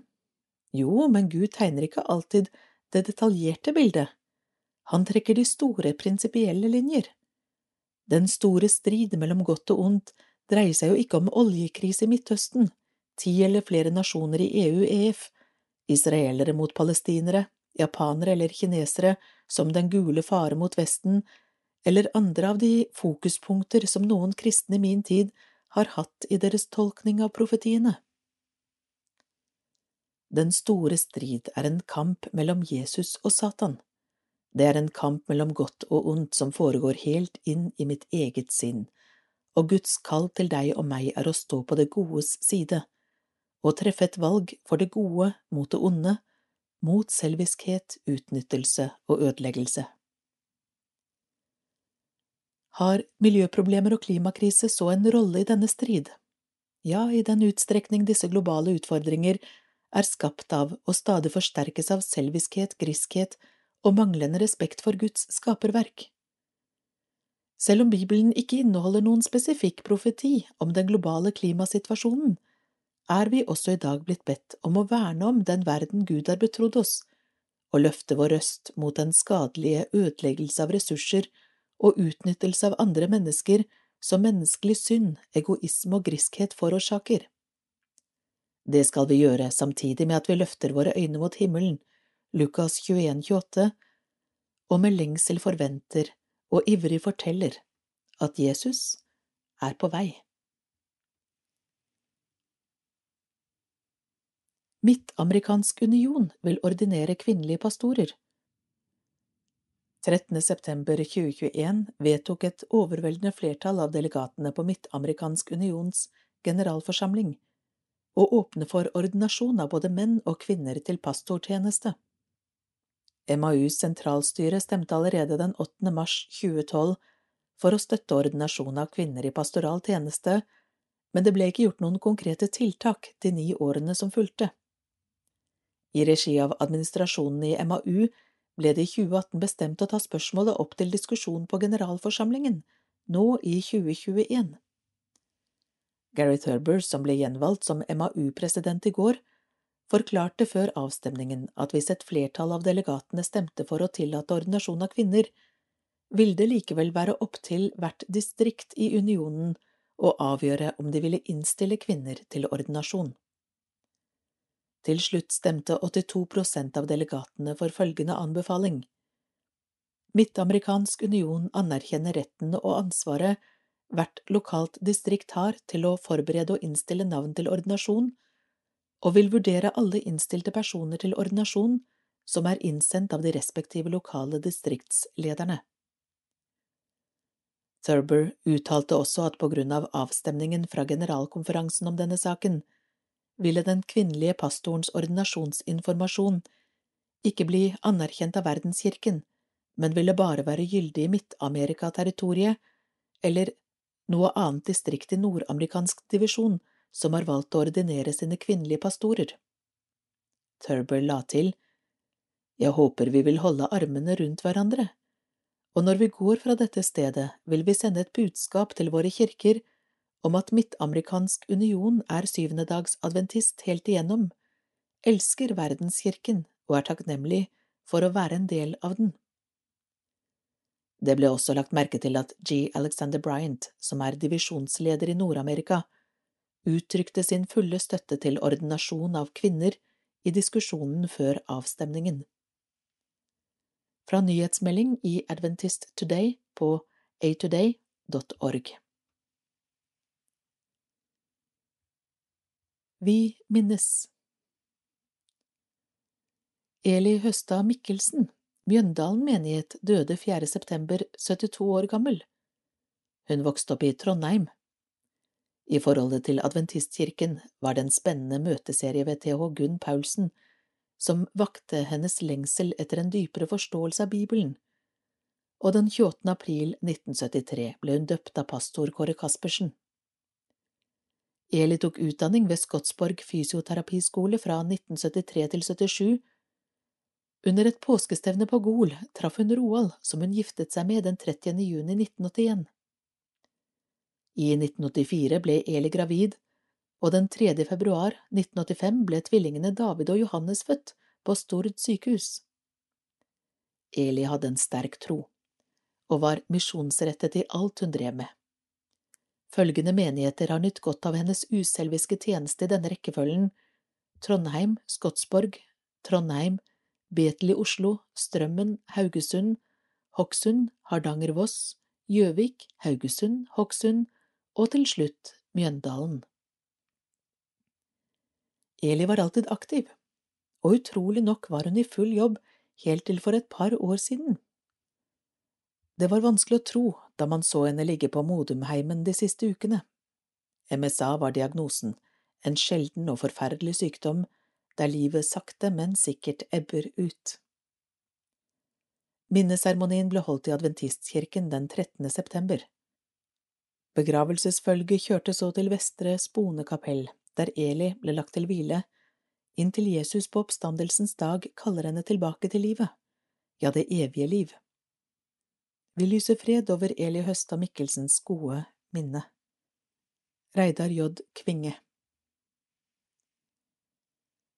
Harry Karstensen, Betel menighet, døde brått den 30. august. Sammen med kona Eva var han på fjelltur med en pensjonistgruppe, da han ved frokosten på hotellet fikk et illebefinnende med hjertestans. Livet sto ikke til å redde. Det var et sjokk for Eva og gruppen de var sammen med. Alle var vante og aktive personer som elsket å gå i fjellet og i naturen, så på en måte kan man si at Harry var i sitt rette element da livet fikk en brå og uventet utgang. Harry var født den 19. april 1932. Han var født og oppvokst i Oslo, fikk solid teknisk utdannelse og var en hendig og nevenyttig fagmann. Han ble gift med Eva, og sammen fikk de to døtre. Familien kom i kontakt med adventistmenigheten gjennom godt vennskap og naboskap med Gerd og Helge Torbjørnsen, og Harry ble døpt av Rolf Kvinge og tatt opp i Betel menighet den 15. desember 1978. Harrys kristentro var preget av sunn refleksjon og medmenneskelighet. Hans store interesse og hobby var seiling, og familien ferierte i seilbåten hele sommeren, med turer langs norskekysten, til Sverige, Danmark og helt til Finland. Gjennom seilermiljøet fikk de mange venner som hadde stor nytte av Harrys ferdigheter. Ved bisettelsen i Bryn kirke på Rykkinn den 7. september forrettet kirkens lokale prest, Eike Stiller Off, og minnet oss om Guds løfter om oppstandelse, gjensyn og evig liv. Vi deler sorgen med Eva og døtrene med deres familier, men vi deler også håpet og ser fram til den dag da sorg og død ikke skal være mer. Vi lyser fred over Harrys gode minne. Reidar Olsen Jon Egil Aronsen ble født den 4. august 1934 i Frydenlund i Østfold og sovnet stille inn på helsehuset i Halden den 11. august, omkretset av sin nære familie. Han kom fra en familie med seks barn, hvor Jon Egil var den yngste. Han utdannet seg til hjelpepleier, tok handelsskole og hadde sin arbeidsplass i Halden kommune. Den 3. juli 1954 giftet han seg med Reidun Liv Marie Johannessen, og sammen fikk de sønnen Tom og datteren Nina Elisabeth. Ettersom tiden gikk, ble de besteforeldre til fire og oldeforeldre til tre. Adventkirken i Halden ble velsignet med to nye medlemmer da de ble døpt av pastor Kåre Caspersen i 1963. Jon gjorde sin tjeneste i menigheten som kasserer, menighetstjener og ikke minst menighetens sjåfør. Han brukte sitt omsorgstalent ved å hente og kjøre hjem dem som hadde vanskeligheter med å komme til menigheten. Vi som i den senere tid har engasjert oss i menigheten i Halden, savner de to som hadde faste plasser fremme på høyre side når vi kommer inn i kirkesalen. Her satt Jon Egil andektig alene, mens kona Reidun ordnet med lys og pynt i salen før hun satte seg. Koronaepidemien gjorde at salen i adventkirken i Halden ble utnyttet. Med familien Aronsens alderdom og sykdom ble den enda tynnere. Vi savner de to som satt foran på høyre side, og de fine lampettene ble sjelden tent. Noen av oss fra menigheten besøkte Jon Egil på helsehuset i Halden, hvor den nærmeste familien våket over ham mens han ennå hadde puls. Alt tok slutt den 11. august. Minnestunden fant sted i Asak kirke 26. august. Vi lyste fred over Jon Egil Aronsen på Os kirkegård og gledet oss over ham som har nøkkelen til døden og dødsriket og vil bruke den. Finn Myklebust Berit Wegner Mæland ble født den 16. desember 1922 på Randøy i Ryfylke. Hun var tre år da familien flyttet til Haugesund, hvor de ble adventister. Hun selv ble døpt og tatt opp i menigheten i 1939. Som ungpike dro Berit til Onsrud misjonsskole, hvor hun gikk et år. Senere reiste hun til Oslo og jobbet på Kurbadet. Der var også kjæresten hennes, Odd Johan Mæland, som utdannet seg til fysioterapeut. Etter at de ble gift, drev de Fysikalsk institutt i Sauda i sju år. Der ble også Odd Johannes og Klaus Morten født. De flyttet til Haugesund i 1953, og her ble datteren Anne Marie født i 1957. I 1967 begynte Berits mann å pendle til Kongsvinger for å drive Fysikalsk institutt, og Berit tok handelsskole for å kunne føre regnskapet. Hele familien flyttet dit i 1969. I tillegg til regnskapene jobbet Berit flittig i hagen til det store huset de hadde kjøpt, og skapte en fin park rundt seg. I 1975 døde mannen hennes av en tumor i hodet. Berit begynte kort tid etterpå hjelpepleierutdanning og fikk jobb på Kongsvinger sykehus. Hun elsket å arbeide med hendene, og tok en utdanning i veving. Hun lærte seg også engelsk og fikk anledning til å reise, blant annet til Sri Lanka. Da hun ble pensjonist i 1990, flyttet hun tilbake til Haugesund. Hun fortsatte med hagearbeid og all slags håndarbeid, og nøt å kunne dra til hytten i Tysvær. Barnebarna koste seg når de kom på besøk og etter hvert ble det også oldebarn. De siste årene var helsen en utfordring, og hun sovnet stille inn natt til fredag den 9. september, nesten 99 år gammel. Berit vil bli husket av hele familien og av menigheten i Haugesund for å ha et stort hjerte, et vennlig smil, gavmildhet og humor, Vi sa på gjensyn til Berit på Vår Frelsers gravlund og lyste fred over hennes gode minne. Lars Daaland Unni Ribe ble født i Målselv 20. april 1926, som den femte av seks søsken. Moren døde allerede da Unni var fire–fem år. Hun ble adoptert av tanten og onkelen, Konrad og Therese Holm, og vokste derfor opp i Hammerfest sammen med fire nye søsken.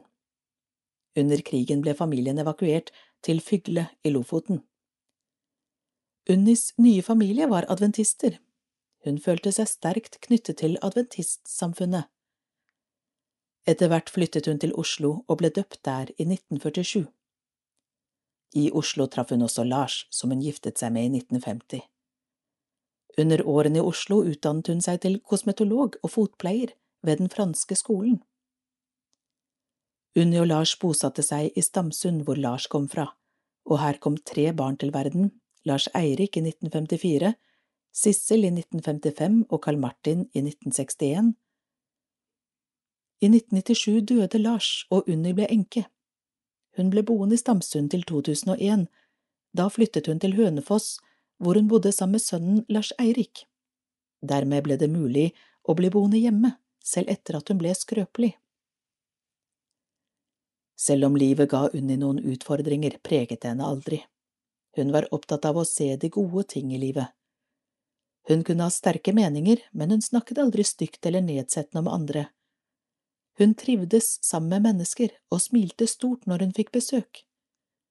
Hun var alltid opptatt av at de hun var glad i, skulle ha det bra og fokuserte ikke på seg selv. Barna og barnebarna kom alltid først. Hun stilte opp også når det kunne koste henne mye. 4. september sovnet Unni inn, 95 år gammel. Hun døde i troen på sin frelser. Bibelens håp betydde mye for henne. Troen var personlig og dyrebar, og hun snakket gjerne om den. Bisettelsen fant sted i Hønefoss krematorium fredag 10. september, der undertegnede forrettet. Vi lyser fred over Unni Ribes minne. Daniel Pell Marta Tonstad, Sandnes menighet, døde den 3. september. Hun sovnet fredfullt inn med flere av sine nærmeste hos seg. Martha ble født den 18. desember 1938 i Josdal-familien på Tonstad. Der hadde hun sin oppvekst, skolegang og ungdomstid. Hun ble gift med Carl Tonstad, som hadde bakgrunn i adventistmenigheten, og som etter et opphold på sjøen revitaliserte sitt menighetsforhold og ble døpt med troen stå på opptatt i menigheten. Martha kjente også kallet om å ta sin kristentro på alvor, og følte det riktig å være et godt og ansvarlig eksempel for sine barn, så hun ble døpt den 7. juli 1967 sammen med sin mor og svoger og ble medlem av Sandnes menighet. Martha og Carl fikk åtte barn, og det tok selvsagt mye av hennes tid. Hun tok ansvar, først og fremst på hjemmefronten, men også som lærer i barnesabbatskolen og andre avdelinger i menigheten. En treffende beskrivelse på henne var teksten som sto i avisens dødsannonse. Ditt liv du alltid bygget på kjærlighetens grunn. Du tenkte først på andre, helt til siste stund. Deres hjem var alltid åpent, alle var velkommen, barn og unge, så vel som voksne. Hun hadde alltid tid til den gode samtalen. Hennes kristentro var ikke av det dogmatiske og belærende slaget, men jordnær og balansert. Det var stor sorg for alle da de mistet sønnen Kent i altfor ung alder, ikke minst et tungt slag for en oppofrende mor. Hun og Carl opplevde samlivsbrudd og bodde i ulike boliger i flere år, men de hadde god kontakt og var solide støtter for hverandre, ikke minst den siste tiden hun levde. Begravelsesseremonien fant sted i Soma kapell, hvor undertegnede forrettet. Flere av hennes barn og Carl deltok med sang og gode ord. Det var også vakkert og rørende å høre et av oldebarna synge solo, en vakker hyllest til den kjære oldemoren. Nå har Martha fått hvile, og vi ser fram til oppstandelsen. Vi lyser fred over et kjært og godt minne. Reidar Olsen Vi gratulerer! 90 år, edel Irene H. Fredheim, Hønefoss menighet 21. november. Elisabeth Åssum, Tyrifjord menighet 24. november. Sigrid Olsen, Arendal menighet 15. desember. 85 år, Randi Margrethe Bergheim, Trondheim menighet 9. desember. Norbert Gerhard Gisebrekt, Moss menighet 13. desember. 80 år, Jens Paulsen, Mjøndalen menighet 21. november. Unni Synnøve Kopperud, Mjøndalen menighet 25. november. Marianne Stavnem, Lillehammer menighet 27. november. Robin Margaret Garat, Stavanger menighet 7. desember. Synnøve Andreassen, Oslo Betel menighet 9. desember. Finn Christian Hoff, distriktsmenigheten UND 18. desember. 75 år, Britt Helene Sunde, Bergen menighet 20. november. Eivind Berg Pedersen, Stavanger menighet 26. november. Åsa Steinkopf Utsola, Stavanger menighet 28. november. Alice Brox, Moss menighet 4. desember. Jan Einar Hansen, Moss menighet 4. desember. Sissel Sivertsen, Trondheim menighet 4. desember. Bjørg Sivertsen, Trondheim menighet 4. desember. Haman, Arendal menighet 5. desember. Matti Olavi Årsand, Stavanger menighet 13. desember. 70 år, Evi Marie Nilima Hansen, Hammerfest menighet 24. november. Viktor Nilsen, Bodø menighet 25. november. Frank-Viggo Sjøvold, Fredrikstad menighet 29. november. Paul Charles Tunem, Stavanger menighet 7. desember. Dennis Åstrand, Bjøndalen menighet 9. desember. Ruth Marian Niska, Vadsø menighet 13. desember. Åremålsdager fra 70 år blir annonsert i Adventnytt hvis vi vet om din fødselsdato. Ønsker du ikke at fødselsdagen skal nevnes, så gi beskjed senest tre måneder før til post at adventnytt.no, eller ring Atle Haugen 976 69 368. Medarbeider i vedlikeholdsavdelingen Fra 1. november 2021 vil det under forutsetning av styrets godkjenning være ledig en midlertidig 100% stilling som fagarbeider, og med mulighet for fast ansettelse. Det er ønskelig med faglig bakgrunn med relevant praksis. Stillingen innebærer vedlikeholdsarbeid innenfor teknisk avdeling. Det søkes etter personer med initiativ, god evne til samarbeid og med praktiske ferdigheter. Skolen kan tilby et kristent, adventistisk miljø preget av fellesskap og samarbeid. Stillingen er innlemmet i Statens pensjonskasse, og lønnsplasseringen følger kommunal tariff. Tyrifjord videregående skole er en livssynsskole som eies og drives av Syvendedags Adventistkirken. De ansatte er forpliktet til å respektere institusjonens særpreg og i sitt arbeid og privatliv være lojale mot og følge de prinsipper Adventistkirken representerer. Skolen forventer at ansatte engasjerer seg i sosiale og åndelige aktiviteter på stedet. Skolestyret forbeholder seg retten til å vurdere andre kandidater enn de som søker. Søknadsfrist snarest og innen 1. desember 2021. Ta kontakt med rektor for mer informasjon om lønn, forventninger og arbeidsforhold. Tyrifjord videregående skole 3530 Røyse Telefon 32 16 26 00 91 30 05 32 E-post styrkar punktum dramstad at tyrifjord punktum vgs.no Gamle bøker gis bort til samlere. Førsteutgave av Den store strid i gotisk skrift, Kunnskapens perle og Kristus vår frelser gis bort til interesserte samlere. Kontakt Birte Søreide på telefon 440 450. Årets bønneseminar på Zoom, søndag 7. november klokken 18 til 20. Slipp Jesus inn gjennom bønn og sabbatsfeiring. Line Nilsen fra Danmark er årets hovedtaler. Hun skriver Det er ikke noe som gir større fred og glede enn å ha et nært og levende forhold til Jesus, vår frelser og venn. Når vi er sammen med ham, blir vi oppmerksomme på hans kjærlighet til oss og alt han gjør for oss. Fellesskap med Jesus finner en flott ramme gjennom bønn og feiring av sabbat. Vær med å be om at både bønnens og sabbatens velsignelser blir enda klarere og mer betydningsfulle for oss. Om Line Nilsen Line har skrevet bøkene Elsket av ham og Sannheten setter deg fri, og har talt ved flere seminarer i Norge. Hun elsker å dele Jesus ut fra hans ord og med erfaringer fra et helt alminnelig liv.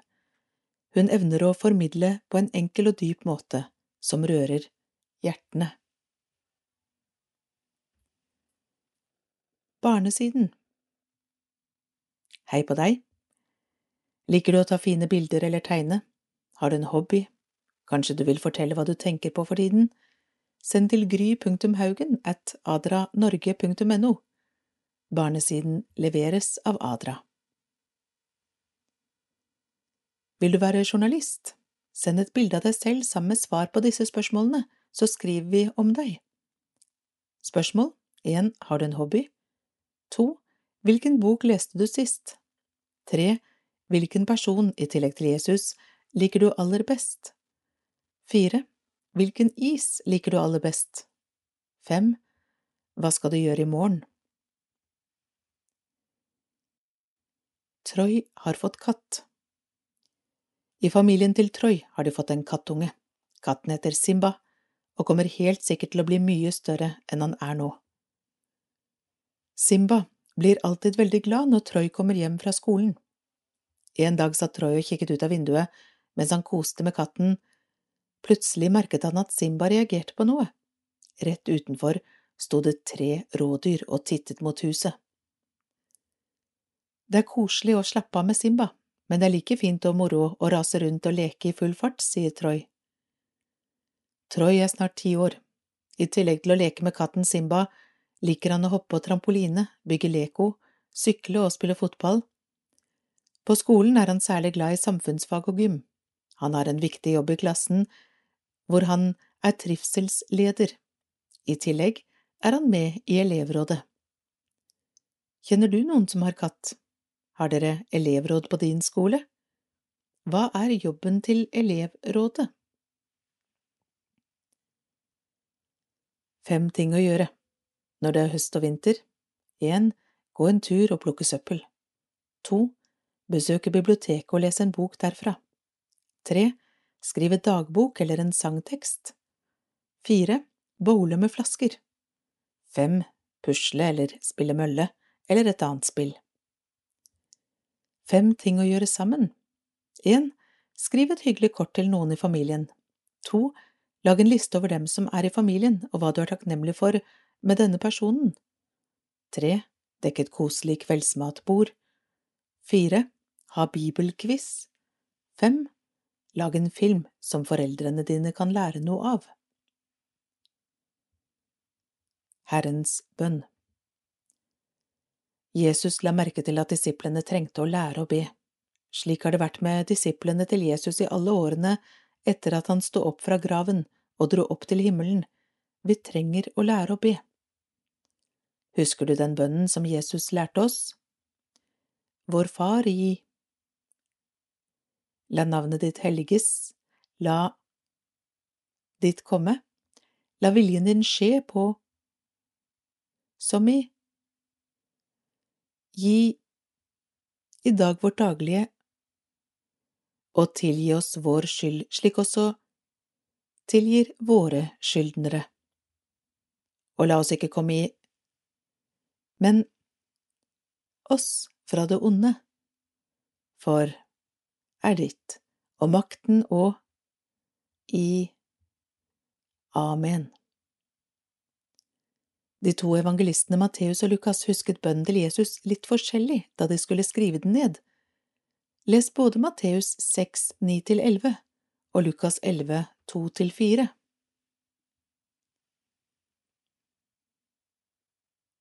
Bibelsk trofasthet for nåtidens kirke av Viktor Mali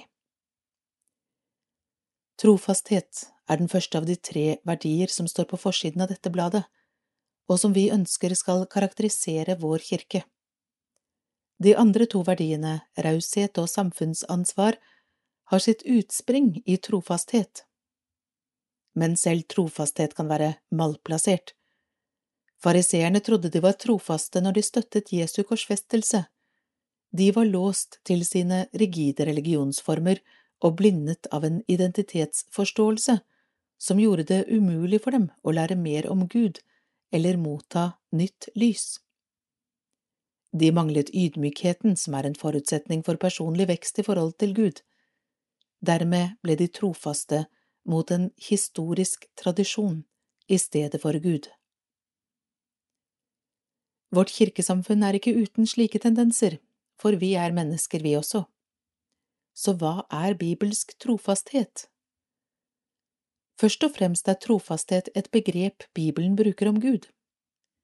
I for eksempel Esekel 16 er Gud beskrevet som en trofast brudgom som redder Israel, som vasket henne, ga henne fine klær og en krone. Trofasthet er knyttet til Guds pakt med sitt folk. Til tross for deres utroskap og konsekvensene det bringer, vil Gud igjen huske sin pakt med folk og tilgi, eller sone for dem. Dette er et sentralt tema gjennom hele Det gamle testamentet. I Det nye testamentet kommer Jesus som selve åpenbaringen av en trofast Gud. Der oppfyller han løftene om tilgivelse og forsoning. Gud holder pakten. Johannes er spesielt opptatt av dette.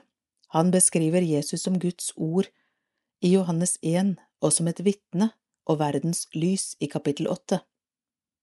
Jesus sier, Den som har sett meg, har sett Far. Johannes 14. Jesus er beskrevet som det trofaste vitne, åpenbaringen 1, 5 og 3, 14, og i åpenbaringen 19, i forbindelse med Jesu gjenkomst, leser vi at den som kommer heter trofast og sannferdig, vers 11, og Guds ord, vers 13. Gud er trofast. I Jesus ser vi Guds trofasthet. Han vitner om det med liv og ord. Det er i denne konteksten vi må forstå hva bibelsk trofasthet er, og hva det vil si å være trofast som kristne. I åpenbaringen 1412 er Guds folk i endetiden beskrevet som de som holder seg til Guds bud og troen på Jesus. Ordet troen kan også oversettes som trofasthet, de som holder seg til Guds bud og Jesus' trofasthet. Det er flere kommentatorer som foretrekker en slik oversettelse, inkludert Sigve Tonstad, som oversetter det slik. De som holder Guds bud som ble åpenbart i Jesu trofasthet. Tonstad, Revelation 2010. I åpenbaringen 1714 er Guds folk beskrevet som kalte og utvalgte og trofaste. Denne beskrivelsen er i kontrast til utroskap, som ellers er karakterisert i kapittelet, Babylon som opphøyer seg selv, forfølger andre, bygger sin egen makt og taler løgn om Gud. Åpenbaringen 17 forteller om en allianse av religion og politiske makter som vitner falskt om Gud. Guds folk derimot vitner sant om Gud. De følger i Jesus' fotspor han som var det trofaste vitne. Hva betyr dette i praksis? Bibelen er tydelig. Gud er kjærlighet, og den som blir i kjærligheten, blir i Gud, og Gud i ham. 1. Johannes brev 4,16 Da skal de rettferdige svare, Herre, når så vi deg sulten og ga deg mat, eller tørst og ga deg drikke? Når så vi deg fremmed og tok imot deg, eller naken og kledde deg?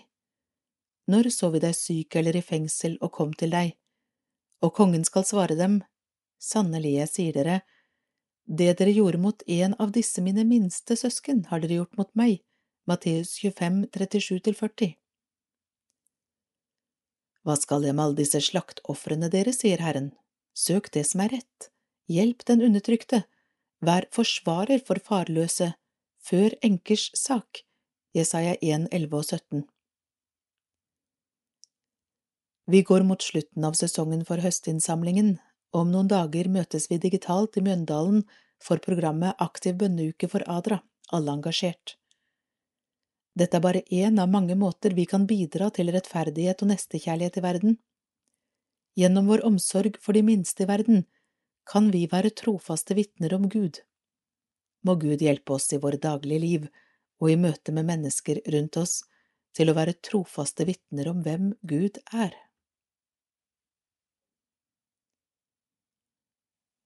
Adventnytt nummer 11 i 2021 slutt.